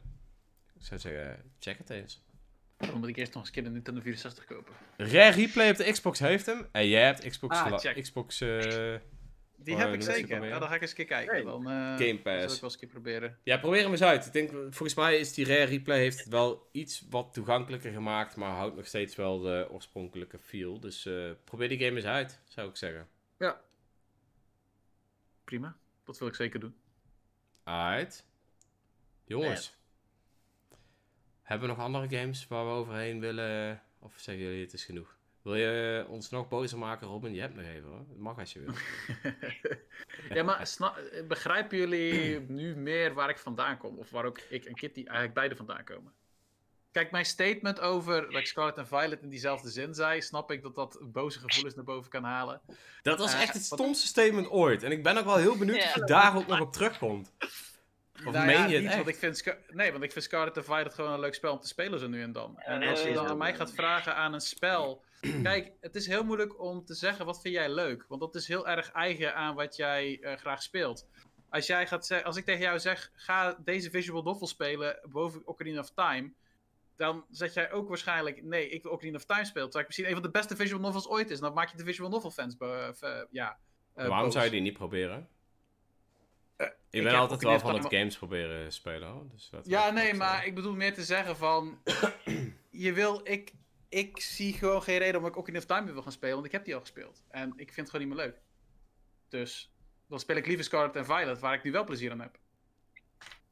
Eh, waarom niet allebei? Omdat ik ondertussen heel weinig tijd heb bij alle andere spellen die ik speel. En dan kies ik echt uit wat ik graag wel wil spelen. het zou mooi zijn als ik, eh, als ik niet meer zou... eh, Oh. Jij kan echt dingen zeggen, Robin, hier hoor. Ja, Eh, dat maar het is is wel, oké. eh, daar neem ik heel veel afstand van. over wat? Over welke? Van Scarlet en Violet. Oh, En zo bedoel je. Afspraak, afstand van al deze uitspraken. Nou, Maar even, Robin, even om maar een klein beetje tegemoet te komen. Eh, net haalden we even al de Game Boy Advance eh, NSO-app aan. En als je denkt, ik wil oude spellen spelen in een oud jasje, maar dan toch een beetje modern, dan is die Game Boy Advance app wel echt een hele toffe toevoeging. Dat zijn heel veel hè, van die oude type games hebben met oude graphics, maar die dan toch nog net die moderne touch hebben, waardoor Oh. het toch wel echt weer veel moderner aanvoelt, zeg maar. Ja, Ja. ik... ehm, Ja. Ik denk dat je gewoon hier en daar wat dingen moet proberen. Ik denk wel dat het goed is om eens te kijken waar, eh, waar je games vandaan komen. Ehm, ik moet zeggen, dat is, Ja. voor mij is dat een van de dingen die ik heel belangrijk vind en die ik ook heel graag doe. Ik heb bijvoorbeeld, eh, inmiddels is het ook alweer wat langer geleden hoor, maar een, een jaar of vijf geleden denk ik. Eh, ik heb namelijk de PlayStation tijd, eigenlijk tot aan de PlayStation 3 heb ik altijd gemist. Dus ik heb eh, een jaar of vijf geleden heb ik besloten om een PlayStation 1 en een PlayStation 2 te kopen.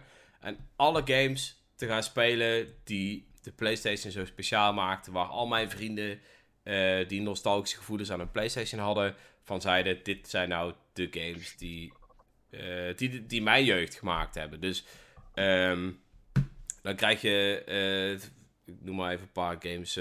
die, vooral de PlayStation 2 games heb ik er heel veel gespeeld. Dus Jack and Dexter.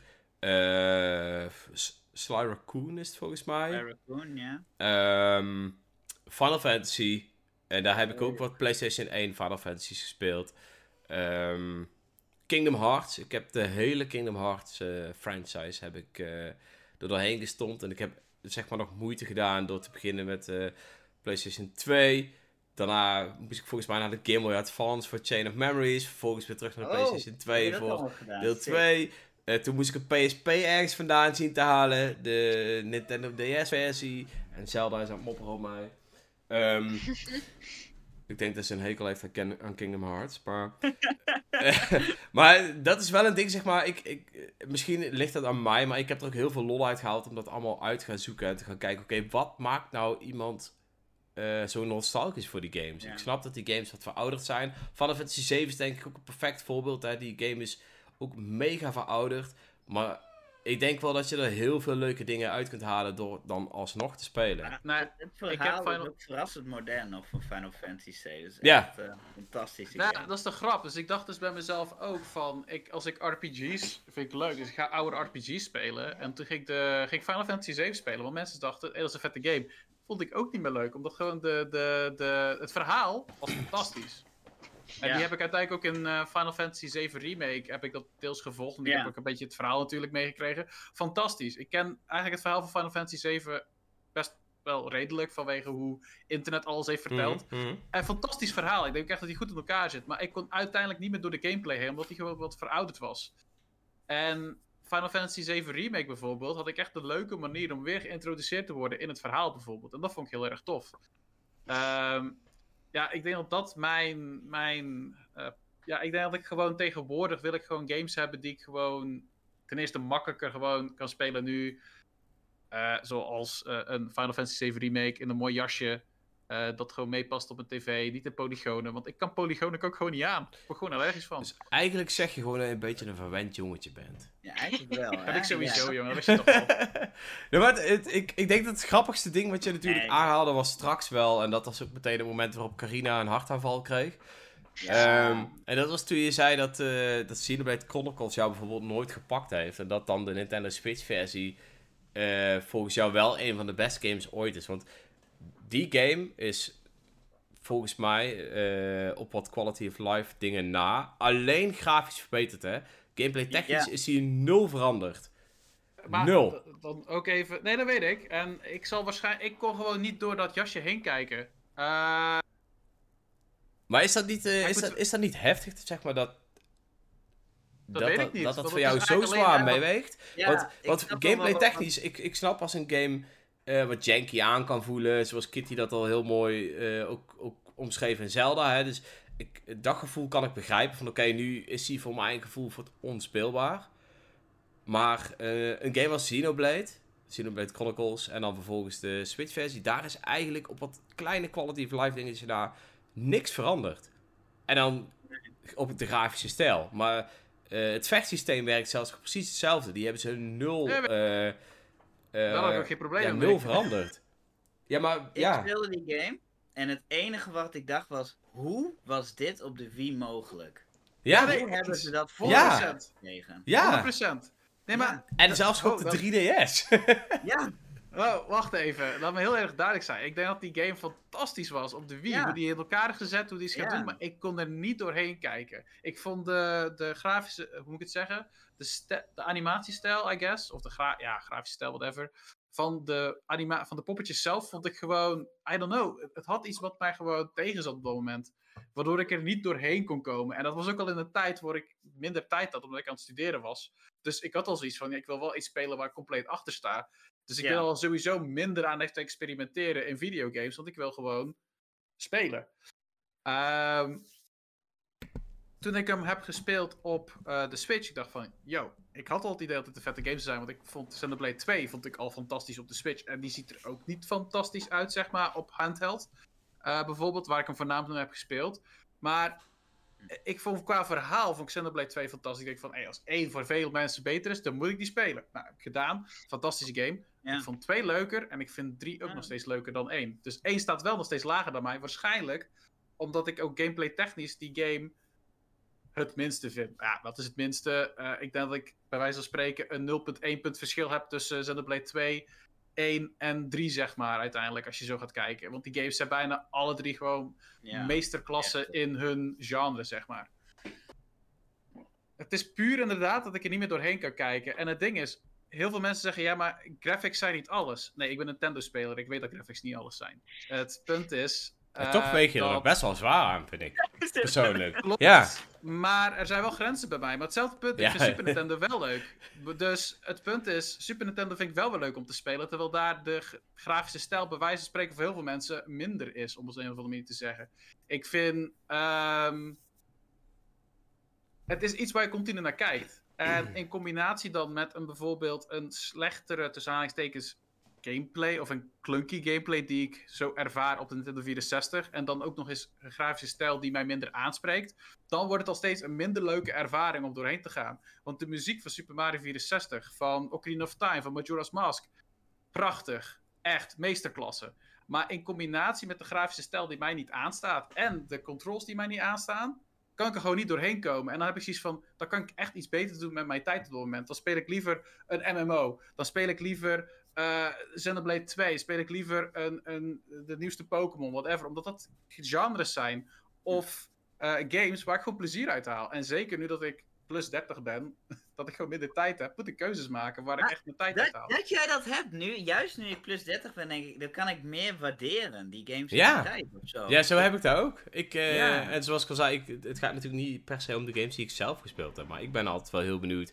Wat maakt nou een herinnering voor iemand, zeg maar? Wat zorgt er nou voor dat, eh, dat als ik, eh, ik noem maar even een random persoon hier van de redactie. eh, ik, stel je voor, ik heb pas geleden voor de eerste keer met Carina gesproken. Dan ga je Ja. natuurlijk vragen, wat vind je leuk? Hoe ben je uiteindelijk van games gaan houden? En dan vertelt zij haar verhaal. En dan denk ik, oké, ehm, dat is toch super vet. Ik wil ook weten waarom jij hier zoveel leuke herinneringen aan hebt. En dat wil ik dan gaan uitzoeken. En dat, is, Ja, dat vind ik super vet. Ja. ja, ik ook. Eh, en dat ga ik dan ook doen. En zo is voor mij natuurlijk Ja. altijd heel lang de vraag geweest: wat maakt nou de PlayStation fanboys eh, zo gelukkig met hun PlayStation. En dat heb ik uitgezocht en dat was vet. Nou ja, daar ben ik het ook wel mee eens. Alleen dat staat Alleen jij veel zoekt het niet lager uit te op mijn-. Wat zei je? Alleen jij zoekt het niet uit te zoeken. Eh, nee, dat is niet waar. Want ik heb wel, toen mensen zeiden ga Banjo Kazooie spelen, heb ik het zeker geprobeerd bijvoorbeeld. Alleen, wat Kitty al zei, ik was echt binnen een paar, eh, ik denk dat ik het een uurtje heb gespeeld of zoiets in die richting. Mhm. En dat ik dan wel eens iets had van ja, sorry, maar ik moet hier zo doorheen banjeren. En dan ben je tegen je zin iets aan het spelen. Je gaat ook geen film tegen je zin kijken. Je gaat ook geen boek tegen je zin lezen. Het is toch een paar uur dat je dan van je leven, nou ja, van je leven, dat klinkt heel zwaar in één keer, maar Mhm. het is toch uren die je in je vrije tijd dan, dan daarin stopt. En ja, goed. Ik heb zoveel andere games die ik liever wil spelen, waar ik nu al moeite mee heb om die aan te komen. Ik heb indie-titels die ik wil proberen.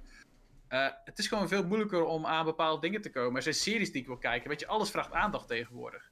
Dus dan kies je gewoon van wat wil je nu eigenlijk heel graag spelen, wat wil je uitspelen. Ik mis soms ook de tijd gewoon dat ik niet de tijd neem om games compleet 100% te. Want ik bedoel, vroeger kon ik Lufia 2, kon ik gewoon blijven spelen. Hetzelfde verdomde spelletje, uren en uren en uren. En dan weer opnieuw. En dan weer opnieuw. En dat heb ik bij heel veel titels die nu zeg maar in de afgelopen tien jaar zijn geweest, eigenlijk amper gedaan. Oké, oké. Maar daar heeft het misschien ook wel een beetje mee te maken. Spel als Banjo Kazooie is misschien ook meer op, echt op kinderen gericht. Zeker in die tijd. En Mhm. als je volwassen bent, dan spreekt dat toch minder aan. Het is ook het genre, want ik bedoel, Ja. ouderwetse, als ik kijk naar de ouderwetse Zelda's, dat zijn nooit mijn favoriete games geweest, zeg maar. Zijn het goede games? Ja. Waren het leuke games? Sure. Maar het waren niet de genres waar ik voor zou gaan. Ik ga liever voor een Fire Emblem of voor een, of voor een Xenoblade bijvoorbeeld. Dat zijn de titels waar ik echt voor wil gaan, zeg maar. En ja, goed. De Wii en de Wii U kwamen ook echt in een tijd die eigenlijk niet goed was voor mij met gamen, want ik was aan het studeren. Dus het was sowieso ook al dat ik veel minder de tijd had om bepaalde titels te gaan spelen. Dus als ik al niet ergens werd voor uitgenodigd met een grafische stijl, ja, dan ging ik ook al veel minder snel om dan te zeggen, ik ga hier al even experimenteren. Als die dan, ja, als ik niet aan het studeren was, was ik wel heel anders geweest, denk ik. Oh man, ik zou willen dat ik weer zoveel tijd had. Dan Ja, toen ik man. studeerde. toen dacht ik ook altijd van ik heb geen tijd, maar nu zou ik graag Ja, willen dat, dat ik eh, meer tijd had. Wat eh, professor Bonk, oftewel Joran, ook zegt eh, bij Pokémon, als je het niet hebt gespeeld als kind, is het moeilijk om erin te komen. Ben ik het helemaal mee eens. Ik speel Pokémon games puur vanwege de nostalgie. Want holy shit, als het elke andere franchise was geweest, had ik die games afgebrand. Ja? Ja, Scarlet, Scarlet en Violet zijn gewoon, op technisch vlak zijn het gewoon ondermaatse games. Grafisch zijn Dat ze niet sterk. Eh, ik vind wel dat die games leuk zijn vanwege de Pokémon en de nostalgische factor die erin zitten. Ja, want gameplay technisch is het eigenlijk niet zoveel, toch? Het is helemaal niet zo boeiend. Het is gewoon, nee, maar dat is ook zo.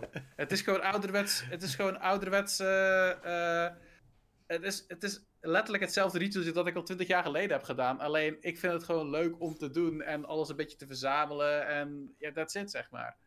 Ik weet niet waar ik daar plezier uit haal, maar ik vind het wel leuk om te doen.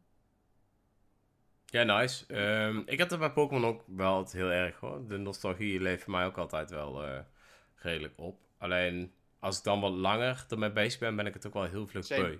Ik heb echt mijn best gedaan om Scarlet en Violet wel uit te spelen. En te kijken of ik de game dan nog kon waarderen. En voor een klein gedeelte kon ik het wel waarderen. Eh, hoe moet ik zeggen? Ja. Dat is proberen om er een bepaalde open wereld jasje. Of om het in een bepaalde open wereld jasje te gieten, vond ik super vet. De uitvoering was niet altijd even geweldig. Eh, maar op grafisch gebied heeft het me helemaal teleurgesteld. Al helemaal gezien, Ah, same. Ja, het is, eh, gezien die voor mijn gevoel alleen maar steeds slechter is geworden. Ja. Voordat de game verscheen was het nog wel oké. Toen de game verscheen was het eigenlijk kut. En daarna zouden Ja. er updates komen en is het eigenlijk alleen maar kutter geworden. En zie je nog minder Pokémon in je beeld.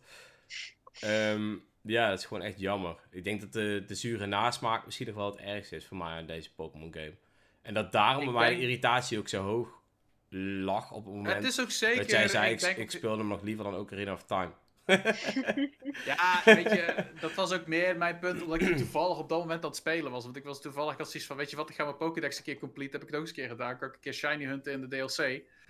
Ehm, maar ik heb het nu gedaan en ik zie van, wil ik nu nog terug naar de game? Nee, ik heb, er eigenlijk, wel- ik heb het nu alweer gespeeld, zeg maar. Dus het is ook meer van, ik speel liever modernere games dan Ocarina of Time. Dat was eigenlijk meer mijn statement, of oudere games, zou ik het zo zeggen. Het was meer de toevalligheid dat die twee games in één zin kwamen, waardoor er wel een heel mooi statement werd gemaakt natuurlijk, die uit context gerukt kan worden. Ja, dat is eh, een van de heftigste statements ooit. eh. Ik wil het als een mooie quote op mijn eh, grafsteen hebben. Ja, dat is goed. zou ik niet doen. Dan ben ik heel benieuwd hoe lang. Of dat, dan ben ik eerder heel benieuwd hoe lang het zal duren voordat iemand hem gaat mollen, zeg maar. Ehm, Dreon zelf. en misschien ben ik het wel, ja. Nou ja, ik, wel- ik vind het wel vet. Altijd leuk, eh, leuk om zo'n discussie te voeren natuurlijk. Ondanks dat ik het eh, niet met jullie eens ben. En graag... Absoluut niet. Ehm, en graag de, hoe moet ik het zeggen, de, de oude dingen toch wel Ik- graag ik- hoog wil houden.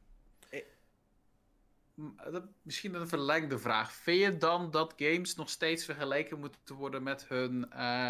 met hoe ze. Ja, Ja. moet ik het even zeggen? Met hoe ze vroeger Ja. waren. Dus als jij nu een cijfer aan Ocarina of Time gaat geven tegenover Breath of the Wild of Tears of the Kingdom, wat geef je dan Ocarina of Time? Hoe bedoel je? Ja, ik geef Ja, je bent nu Ocarina, Ocarina of Time. Jij Ik- gaat Ocarina of Time. Ocarina of Time is sowieso Kingdom. niet mijn beste Zelda-game ooit, hè? Nee, nee, dat weet ik. Maar we noemen Ocarina of Time even. Mhm. Dus dat was de discussie die als geopend. Ja, Ocarina of Time is, is voor mij nog steeds wel gewoon echt een goede game.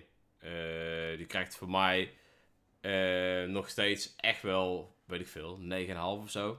Ondanks dat hij heel oud is, krijgt hij voor mij nog steeds echt wel een hoog je cijfer. moet het ook in perspectief zien, hè, Ja. Robin. Kijk, je kunt niet, tenminste ik vind zelf dat je niet kunt zeggen, oké, ik hou hem nu naast die game. Eh, deze game is nu veel beter dan die game 20 jaar geleden. Dus deze krijgt nou een 10 en deze krijgt een 6.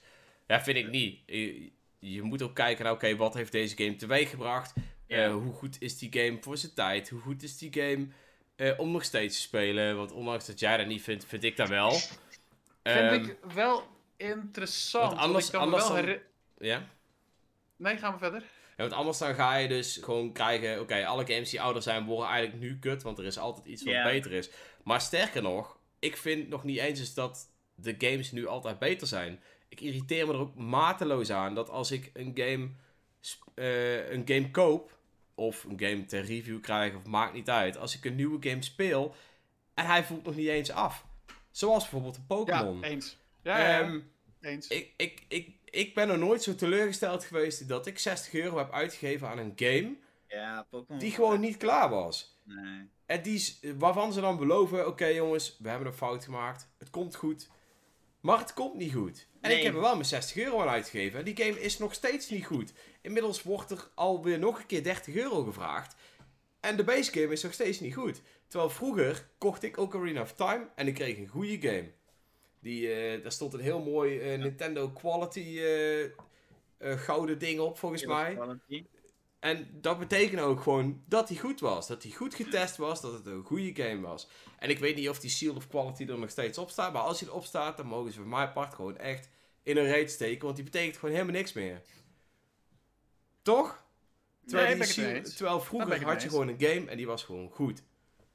Daar ik hoeft, het geen dat update is- voor dat te is ook- komen. dat is helaas-. Dat is helaas heel erg game-industrie eigen in de tijd waar we nu in leven. Maar dat is niet goed. Dat vind ik niet goed. Nee, dat is, En, daar ben ik het helemaal mee eens. ehm, dat, dat, dat ben ik het helemaal En, mee eens. en daarom vind ik. eh, en, en, en dan- kijk, de, eh, hoe moet ik zeggen, de tijd verandert, de games veranderen. eh, het neemt goede dingen met zich mee, het neemt slechte dingen met zich mee. Maar ik denk wel dat je daarom ook de oude dingen in perspectief moet houden met de nieuwe dingen. Ehm Tears of the Kingdom vond ik een super vette game. Breath of the Wild vond ik een super vette game.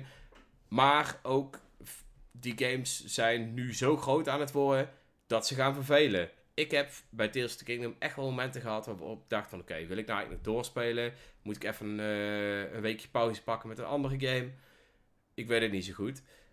En dat had ik bij Ocarina of Time niet. Die game die eh, van begin tot eind was dat voor mij gewoon een avontuur. En dat, dat is afgelopen en dat is vet. En ik denk niet dat dat groter altijd beter is. En ik denk dat ze met Tears of the Kingdom en Breath of the Wild nu ook wel echt de grootste grootte bereikt hebben. Want als het nog groter is, dan heb ik er geen interesse meer voor. Vind ik ook niet dat ze, hoe moet ik zeggen, dat ze duurzaam met mijn tijd omgaan. Want dan is het ook Nee. gewoon het afvinken van eh, een hele hoop eh, vakjes. Dus ja, weet ik niet. Ik denk als ik ze naast elkaar zou houden, is Ocarina of Time voor mij nog steeds wel misschien een 98. En ook Nee, Tears of the Kingdom een 98. Of ik noem maar even iets. Ik denk dat het voor mij niet zo heel veel uitmaakt. En overigens ook voor iedereen hier, mijn favoriete The Legend of Zelda game is Majora's Mask. En als ik die eens in perspectief ga houden met andere Zelda games, denk ik nog steeds dat het een van de beste Zelda games ooit is. De manier hoe dat zij om zijn gegaan met tijd. eh, hoe jij eigenlijk vastzit in een cyclus van drie dagen die jij kunt spelen zoals jij hem wilt. En vervolgens weer opnieuw kan starten. Dat is gewoon echt geniaal bedacht. Ehm, en dan heb ik, pak ik natuurlijk nog niet eens heel het verhaal bij. Wat, waarvan ik vind dat hebben ze gewoon heel mooi gedaan. En waarbij ze emoties van bepaalde mensen op een hele vette manier hebben kunnen laten zien. Ehm, ik denk dat als je dat kunt doen met een game, van 20 jaar oud. En vandaag de dag, ondanks dat hij er verouderd uitziet en de controls misschien een beetje janky zijn, dat hij nog steeds zulke gevoelens bij jou teweeg kan brengen, dan denk ik gewoon dat je echt een hele vette game hebt gemaakt. En dat is voor mij wel hetgeen wa- waardoor ik denk, maakt niet uit hoe oud de game, eh, hoe, hoe oud de game is, hoe janky die geworden is. Ik denk dat ze toen iets heel moois hebben neergezet en dat dat nou nog steeds wel eh, mee kan. En dat, Ik, dat, ik had het niet mooier kunnen zeggen. dat was mijn preek. Jullie worden er stil Ja. van. Ik zie dat Ik, Robin eh, een traantje wegpikt, ik- dus ik- eh, dat is heel Nee, goed. ik, ik snap We wat je moeten ooit eens een eh, ik- best-of eh, lijst maken. De beste games alle tijden. Beste. Nintendo games alle ja. tijden. Ja, dat vind ik dus echt het gevaar, want als je inderdaad ook Ring of Time, maar ook de rest, het punt gaat geven in hun eigen tijd, is het voor mij een veel hoger punt dan wanneer ik het in deze tijd een punt Zeker. geef. Ik kijk wel echt naar een, een tijd. Ik kijk meer naar hun eigen tijd, inderdaad. En ik, nogmaals. Wat, En dat vind wat ik ook het gevaar met remasters en zo. Als je daar een punt aan gaat geven, neem je automatisch wel mee wat, dat het ooit baanbrekend was, maar het nog steeds een game die nu uitkomt. En nu zijn sommige spellen gewoon echt niet. Niet zo goed meer, nee. Ja, Juist vanwege alles wat daarna is gekomen en hoe de tijden zijn veranderd en wat je hebt geleerd aan gaming in die tijd. Want ik vind het maar moeilijk. maakt het een want, game dan kijk, niet meer goed? Het Ja. doet toch niks met de kwaliteit van de game? Het doet alleen iets met de kwaliteit van de nieuwe games. mm, Ik denk dat het wel toch iets doet met de kwaliteit van de we game. ooit zo'n lijst maken, dat we dat wel een beetje mee moeten wegen. Toch? Hoe Hmm. leuk het nu nog is. Ja, het zijn Ik, twee eh, hele andere punten. Het Ja. is ook heel erg afhankelijk aan wie je deze vraag stelt. Want kijk, jij bent echt opgegroeid met Ocarina of Time. Dus automatisch ga jij kijken van wat het spel heeft teweeggebracht op dat moment. Maar als iemand het nog nooit heeft gespeeld, gaan zij het toch echt ervaren op het punt dat zij het nu spelen. Ja, ik, dan ik denk dat het heel persoonsgebonden kijk, is. ook- Want, Ja. het is heel persoonsgebonden. Het is ook heel nostalgiegebonden, denk ik. Nee, want ik bedoel, ja, ik, nee, maar dat- niet per se. Ik bedoel, ik denk dat het meer eraan ligt of iemand daar ook voor open wil staan. Ja. Want ik, eh, zoals ik al zei, ik heb het ook met PlayStation games. Ik heb het ook met Xbox gedaan. Ik heb gewoon alle oudere consoles bij elkaar gehaald en gewoon eens gaan kijken, oké, wat maakt nou voor iemand iets vet? Wat is nou iemand zijn jeugd geweest? Eh, ik vond zelf, toen ik jong was, vond ik Halo echt een kut game. Echt kut. Ehm, vraag me niet waarom. Zou ik je ook niet meer kunnen vertellen waarom. Ehm, maar daarna ben ik wel eens gaan kijken, oké, waarom vond iedereen vroeger Halo zo vet? En dan ga je dat toch wel snappen en waarderen. En Ja, maar eh, het ding je? is, ik kan het onderzoeken. Ja, maar dat is hetzelfde, hè. Ik onderzoek die dingen wel. Maar ik speel het zelf dan niet meer. Omdat je zegt, ja, ik heb het nu onderzocht, ik begrijp het. En ik snap precies waarom deze game een meesterwerk was in Ja. die tijd. Waarom mensen die het leuk vonden in die tijd. Ik maar geloof ik denk- het best van de verhalen van anderen, maar ik ervaar het Yes. zelf totaal niet zo. Oh nee, dan, dan ben ik wel meer Kamp Dreon. Ik, zit, ik zat ook laatst F-Zero en allemaal dat soort franchises proberen van waarom is het nou vet? En dat is gewoon, ja, die kwaliteit kan je nog steeds wel eruit halen, zeg maar, als je ervoor openstelt. ja. En ondanks dat ik snap dat het niet meer zo speelt zoals de games Nee. nu, Eens, ja. kun je wel waarderen wat je ziet. En kun je wel Ja, dat fake ik ook. 3D, dat fake 3D wat ze gemaakt hebben, is dan gewoon wel echt super leuk. Ja, maar En- dat zeg ik. Dat is precies... Dat, Ja, dat, nee, dat klopt. Alleen, alleen jij kunt zeg maar niet door de jankiness heen kijken. Je kunt het alleen waarderen door het te zien en te denken, oké, dat maakt het wel vet. Eh, terwijl Erik en ik het meer hebben over, oké, wij gaan daar gewoon doorheen kijken en we gaan genieten van dit, omdat dit zo Ja. vet was. En ik denk dat daar het grootste verschil ligt tussen... Daar zit een zekere verschil. ons Maar dat denk ik meer twee. omdat ik daar op dit moment niet mijn tijd in wil stoppen. Omdat ik liever Nee. nu gewoon de spellen wil spelen waar ik nu mijn geld aan heb uitgegeven. En niet waar ik mijn geld vroeger aan het heb gegeven. Kijk, op NSO kan ik alles natuurlijk nu spelen. Eh, maar ik had ook pas, ik geen idee waarom. Ik dacht een keer van, ik ga mijn 3DS aanzetten. En ik had een van de slechtste Pokémon games ooit aangezet om te spelen. En ik had hem uitgespeeld. Ik denk van, nou, dat was een kut game. Maar ik had wel alles gevangen wat ik wou vangen. En ik had ook weer een keer aangezet. Ik dacht van, hé, hey, de 3DS is toch best wel een leuk apparaatje. Dus ja, zelfs nu dat ik de Switch heb die met een grote scherm zit, leukere handheld games heeft naar mijn idee. Eh, nu dan toch, omdat het heel anders is, die ervaring. Maar ik denk dat de 3DS nog steeds een fantastische ervaring is. Ook zelfs, zeg maar, recentelijk in mijn handen hebben gehad. Dus het, het, het, ehm, Tijd om is niet dat ik compleet- te starten, man. ik heb hem voor de 3DS, daar heb ik hem ooit gespeeld. Dus eh, ik kan het wel een keer weer proberen. Maar misschien, even- ik weet niet of je hem hebt hoor, maar misschien is dan Majora's Mask, die heeft wel Heb veel ik. meer quality of life verbeteringen. Eh, zoals zeggen, bijvoorbeeld collector's camerabesturing. Nee, maar zoals bijvoorbeeld de camerabesturing met een rechterstick en allemaal van dat soort spul. Hetgeen waar jij volgens mij heel veel aan irriteerde in Ocarina of Time. Die verbeteringen heeft eh, eh, Majora's Mask dan weer wel. Dus misschien dat dat een tip is om eens mee te starten. En als je dan dat hebt leren waarderen, zou je altijd nog kunnen zeggen, ik ga terug naar Ocarina of Time. Nee, daar sta ik zeker voor open om dat te doen. Ik bedoel, de komende maanden zijn toch redelijk stil op gaminggebied. Dus eh, Ja, nice. Episch. Ik denk niet dat wij er eh, vandaag uitkomen, ondanks dat we wel onze peace hebben gevonden met elkaar. En we nog steeds allemaal van elkaar houden. Ehm, ik ben wel overigens ook heel benieuwd wat, eh, wat iedereen hier momenteel aan het spelen is. En ik begin bij jou, Erik. Ik ben Super Mario Wonder aan het spelen. Oeh, wat vind je daarvan? Ik eh, heb een tijdje Star Ocean gespeeld. Daar heb ik ook de review voor geschreven. Maar ik dacht dit weekend, ik wil door met Super Mario Wonder. En ik wil hem gaan uitspelen. En dat heb ik gedaan. En toen dacht ik, ik wil alles halen. En dat heb ik bijna gedaan. Ik ben nu bij het aller, allerlaatste level. Het aller, allerlaatste level? Ik denk, ik denk het aller, allerlaatste level. Episch. Ja, ja. Die is Het, leuk. eh, ik moet eerlijk zeggen, het eindgevecht met Bowser, dat hele level is echt fantastisch hoe ze dat uitgewerkt hebben. Want je hebt de hele... Nee, ik, ik wilde eigenlijk niks over spoilen. Het is fantastisch. Ja, het is leuk. Maar ja, het is wel leuk om te zien hoe dat ze dat eh, toch zo episch hebben kunnen maken Ja. in een 2D setting. Laten we het dan zo Je zeggen. denkt eerst van, waarom heb je al die random levels er tussendoor met al dat spel. En dan ineens komt dat helemaal tot uiting in de laatste level. Hebben ze wel goed gedaan. Eh, en Ja. daarna heb je nog allemaal extra belachelijk moeilijke levels. En eh, die zijn ook heel leuk. Nice. Ja, ik heb hem zelf eh 100% uitgespeeld. Dat is echt genieten. Ja, ik denk ook bijna. Ik moet er nog één, ja. Echt leuk. Ja, hij is ook best wel goed te doen. En eh, voorgaande Mario spellen had ik niet van, oh ik ga dit 100% completen. Want dan was het vaak net te moeilijk. Maar nu is het wel echt, eh, ja, de moeilijkheidsgraad is best wel goed. Ja, ja ik, eh, hij was inderdaad niet zo moeilijk als bijvoorbeeld eh Super Mario 3D World. Die was echt belachelijk moeilijk, Ja. ja. Zeg- Wel vet ja, de game. was niet zo moeilijk, maar zeg maar om richting de laatste- level te komen, dat was wel echt gewoon belachelijk moeilijk. Ja. Vet. Leuk dat je zoveel game. hebt. Ja. Ben je het eens met mijn review? Ik ben het absoluut eens met de review, man. Ja? Ik dacht eerst, Zo hoog, hè, Zo dacht jij. kan Ja. dat? Ja, terecht. Echt een fantastische game. De beste, beste game sinds World, denk ik. Beste 2D Mario sinds World. Ja. Ja, World is technisch gezien niet helemaal 2D, maar ik snap wat je bedoelt. Oh, sorry, eh, de SNES eh, World. Oh, die. World, ja. Ja. Oh, dat, oh, dat is wel... eh ja, er lang- zit ja, heel, veel tijd ook tussen. heel maar ja. Nice. Episch, ik ben blij dat je ervan geniet. ja, is leuk, man. En Kitty? Ja, Super Mario RPG. Leuk. Nice. Ik ben net pas begonnen, dus ik heb nog wel even te gaan, hoop ik.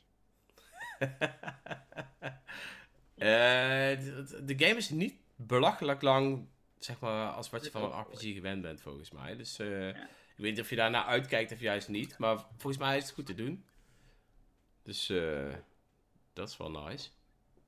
Meestal kom Kan je vast dan... nog eh, twee weken of zo vooruit. Sorry? Kan vast nog twee weken of zo vooruit. Ja, dat denk ik ook wel, ja. Ja, maar de meeste RPG's ben je natuurlijk gewend, dit wordt een game van 50 uur, maar dat is niet bij die game. En ik denk dat dat juist ook de charme is van die game, Ja. dat die ook niet Ja, meteen het zo is wel best wel laagdrempelig. En, eh, er was Ja. inderdaad een easy mode, ik heb hem op normal gezet en tot nu toe gaat dat. Dus, eh, Nice, nice. Oké. En Robin? Ik uh, Super Mario RPG. En ik ben ook uh, in het gat van World of Warcraft gevallen. Weer. Terug. Uh, daar heb ik nu de eerste. Ja, heb ik nu de eerste raid heb ik daarmee afgerond op normal. En dat is eigenlijk meestal mijn doel, want ik speel het helemaal niet hardcore. Ik speel het een beetje zo nu en dan. Ook een nostalgisch iets in mijn. Ja, hoe heet het? Heel vet. Ja, ik ben. Wanneer ben ik ermee begonnen? Toen ik. ik 14, 15 was, heb ik het ooit mee begonnen. En uh, ik speel het meestal op en af. Wanneer de expansion begint, speel ik. En wanneer de expansion eindigt. Dat zijn de leukste momenten, want dan voelt de keraton een stuk veel minder. En ik speel het ook met, wat, uh, met een hele andere soort groep waar ik normaal nooit mee zou gamen, zeg maar. Het zijn echt, echt degenerates tot, tot, tot de max. Dat weten ze zelf ook, want de grappen die ze maken, dat... Uh, is soms dat ik denk van, jongens, kan het wat minder? Dankjewel. ja. uh, maar nee, dat is uh, wat ik uh, eigenlijk een beetje casual uh, tussendoor doe. En Monster Hunter ben ik ook weer opgepakt. Want we hebben een leuk groepje nu in, binnen de redactie die, en in de community die graag met z'n vieren wilt spelen. Dus aanstaande donderdag gaan we weer met z'n vieren hunten. Nice. Daar is die game ook voor gemaakt eigenlijk, toch? Met z'n vieren, ja. Ja. Dat is vet. Ja, ja. nice. echt heel leuk. Ik, ik ben heel benieuwd of dat ik het ook nog ooit met jullie mee ga oppakken. We zijn nu ook Dennis en uh, uh, Carina aan het helpen om wat uh, hoger level te worden. Zodat ze met ons mee kunnen doen met de wat moeilijkere monsters, zeg maar, mee te vechten. Dus ja, ik vind het ook leuk, want ik ben nu gewoon een ander wapen aan het leren. Dus ik ben eens een keer even de comfortzone uitgepakt. En een ander wapen die lekker wat complex is. Dus. nice. Leuk. Nice. Ik, ik ben benieuwd. Ik heb al gezien dat hij niet in de in de sale is op de, uh, het, de Black Friday sale. Dus dat is weer jammer. Anders dacht ik, dit is mijn moment om te starten. Maar mijn moment ja, is er nog niet. Je hebt Rise toch gespeeld, Treon? Of ben ik ja, helemaal... ja, die heb ik zelfs gereviewd. Ja. En die vond ik super leuk. Maar uh, de DLC heb ik niet uh, Sunbreak. Ah, check, ja. En ik dacht misschien als die nu in de Black Friday sale komt, is dit mijn moment om te starten als Sunbreak nee. Hunter. Maar helaas. Uh, ik zie dat trouwens professor Bonk aan mij vraagt: Wow, Robin, ik ben verrast dat je hier zelfs bent. Ja, klopt. Ze hadden zelfs reetavond vannacht en, vanavond en ik had gezegd: Ik kan niet. Ja. waarderen we. Helaas. Waarderen we. Ja. Alright. Hey, ik ben. Uh, zelf spelen.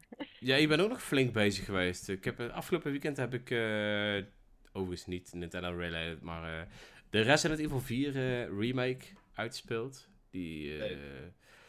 Die is verschenen toen ik in Japan zat. Um, en een maat van mij uh, die zei van... Yo, deze game is zo vet. Die moet je echt spelen. En dan kom je terug van vakantie. En dan komen er heel veel games tussen. En pas geleden dacht ik... Dit is mijn moment. Ik ga starten. En ik heb hem uitgespeeld. En het is een vette game. Dus uh, aanrader voor iedereen. Verder ben ik uh, op de Nintendo Switch... Ben ik um, verder gaan met Pikmin 4. Ook een geweldige game. Um, Leuk ja, nadat ik Persona 5 had uitgespeeld, die dus waar ik nog mee bezig was toen Pikmin verscheen, kan ik, kan ik nu toch eindelijk echt uh, flink met Pikmin nog aan de bak. En ben ik begonnen aan een game, en dit is heel grappig, want uh, Randy, onze webdeveloper, is uh, vorige week zaterdag is die bij mij op bezoek geweest, samen met zijn vriendin. Dachten, oh, we gaan even een bordspelletje spelen. En hij kwam met een, een bordspel van The Binding of Isaac. Ik weet niet of een van jullie die uh, gezien heeft of gespeeld heeft.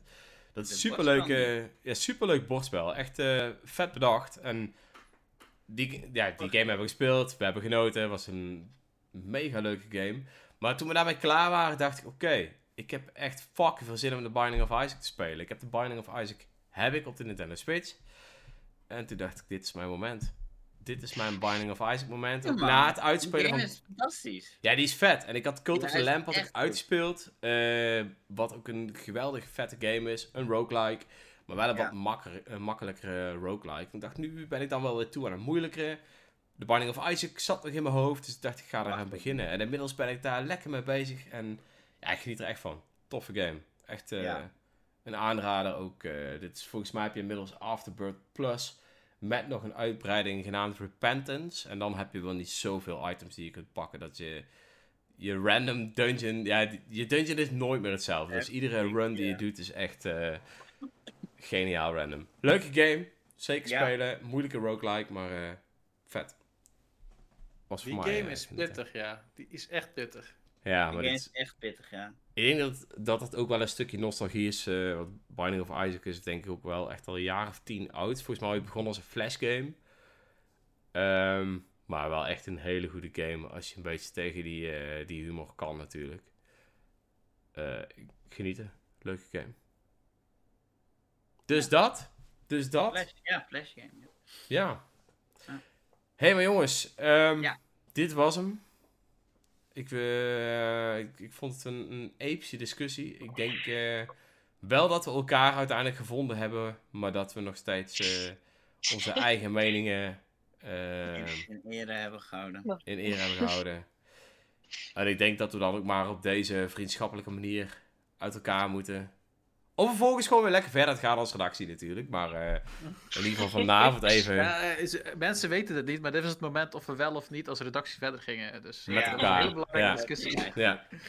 Het had zomaar kunnen zijn dat we, ja, dat we echt boos waren op elkaar. Ik ga off camera nog even huilen in een hoekje. Onderliggende gevoelens. Mijn gevoelens, ja, Ja. je hebt mijn gevoelens wel geraakt, eh Robin, voornamelijk. Het is oké. Ik, Mm. wa- wat? Maar Kitty, heeft ook, Kitty heeft ook gemene dingen gezegd. Ja, dat klopt, dat klopt. Nee, Alleen, jij hebt wel even een paar keer extra aangestampt, denk ik, of zo. eh. Ja, daarom. En Robin kijkt er ook gemeen bij. Robin is wel gemeen, hè? Ja, inderdaad. Dit is een glimlach die eigenlijk heel veel eh vermaskert. Ja. Hele waanzin. It hurts. nee, ik wil jullie in ieder geval erg bedanken voor het aanwezig zijn. Ik vind het altijd leuk natuurlijk om eh, zo'n discussie Ja. te hebben. Ehm, de volgende keer zijn we ook vast en zeker weer terug met een heel mooi discussiepunt. Ik wil in ieder geval alle luisteraars en alle kijkers ook bedanken voor het aanwezig zijn. En ik zou zeggen, tot de volgende keer. Later! Doei doei! Doei.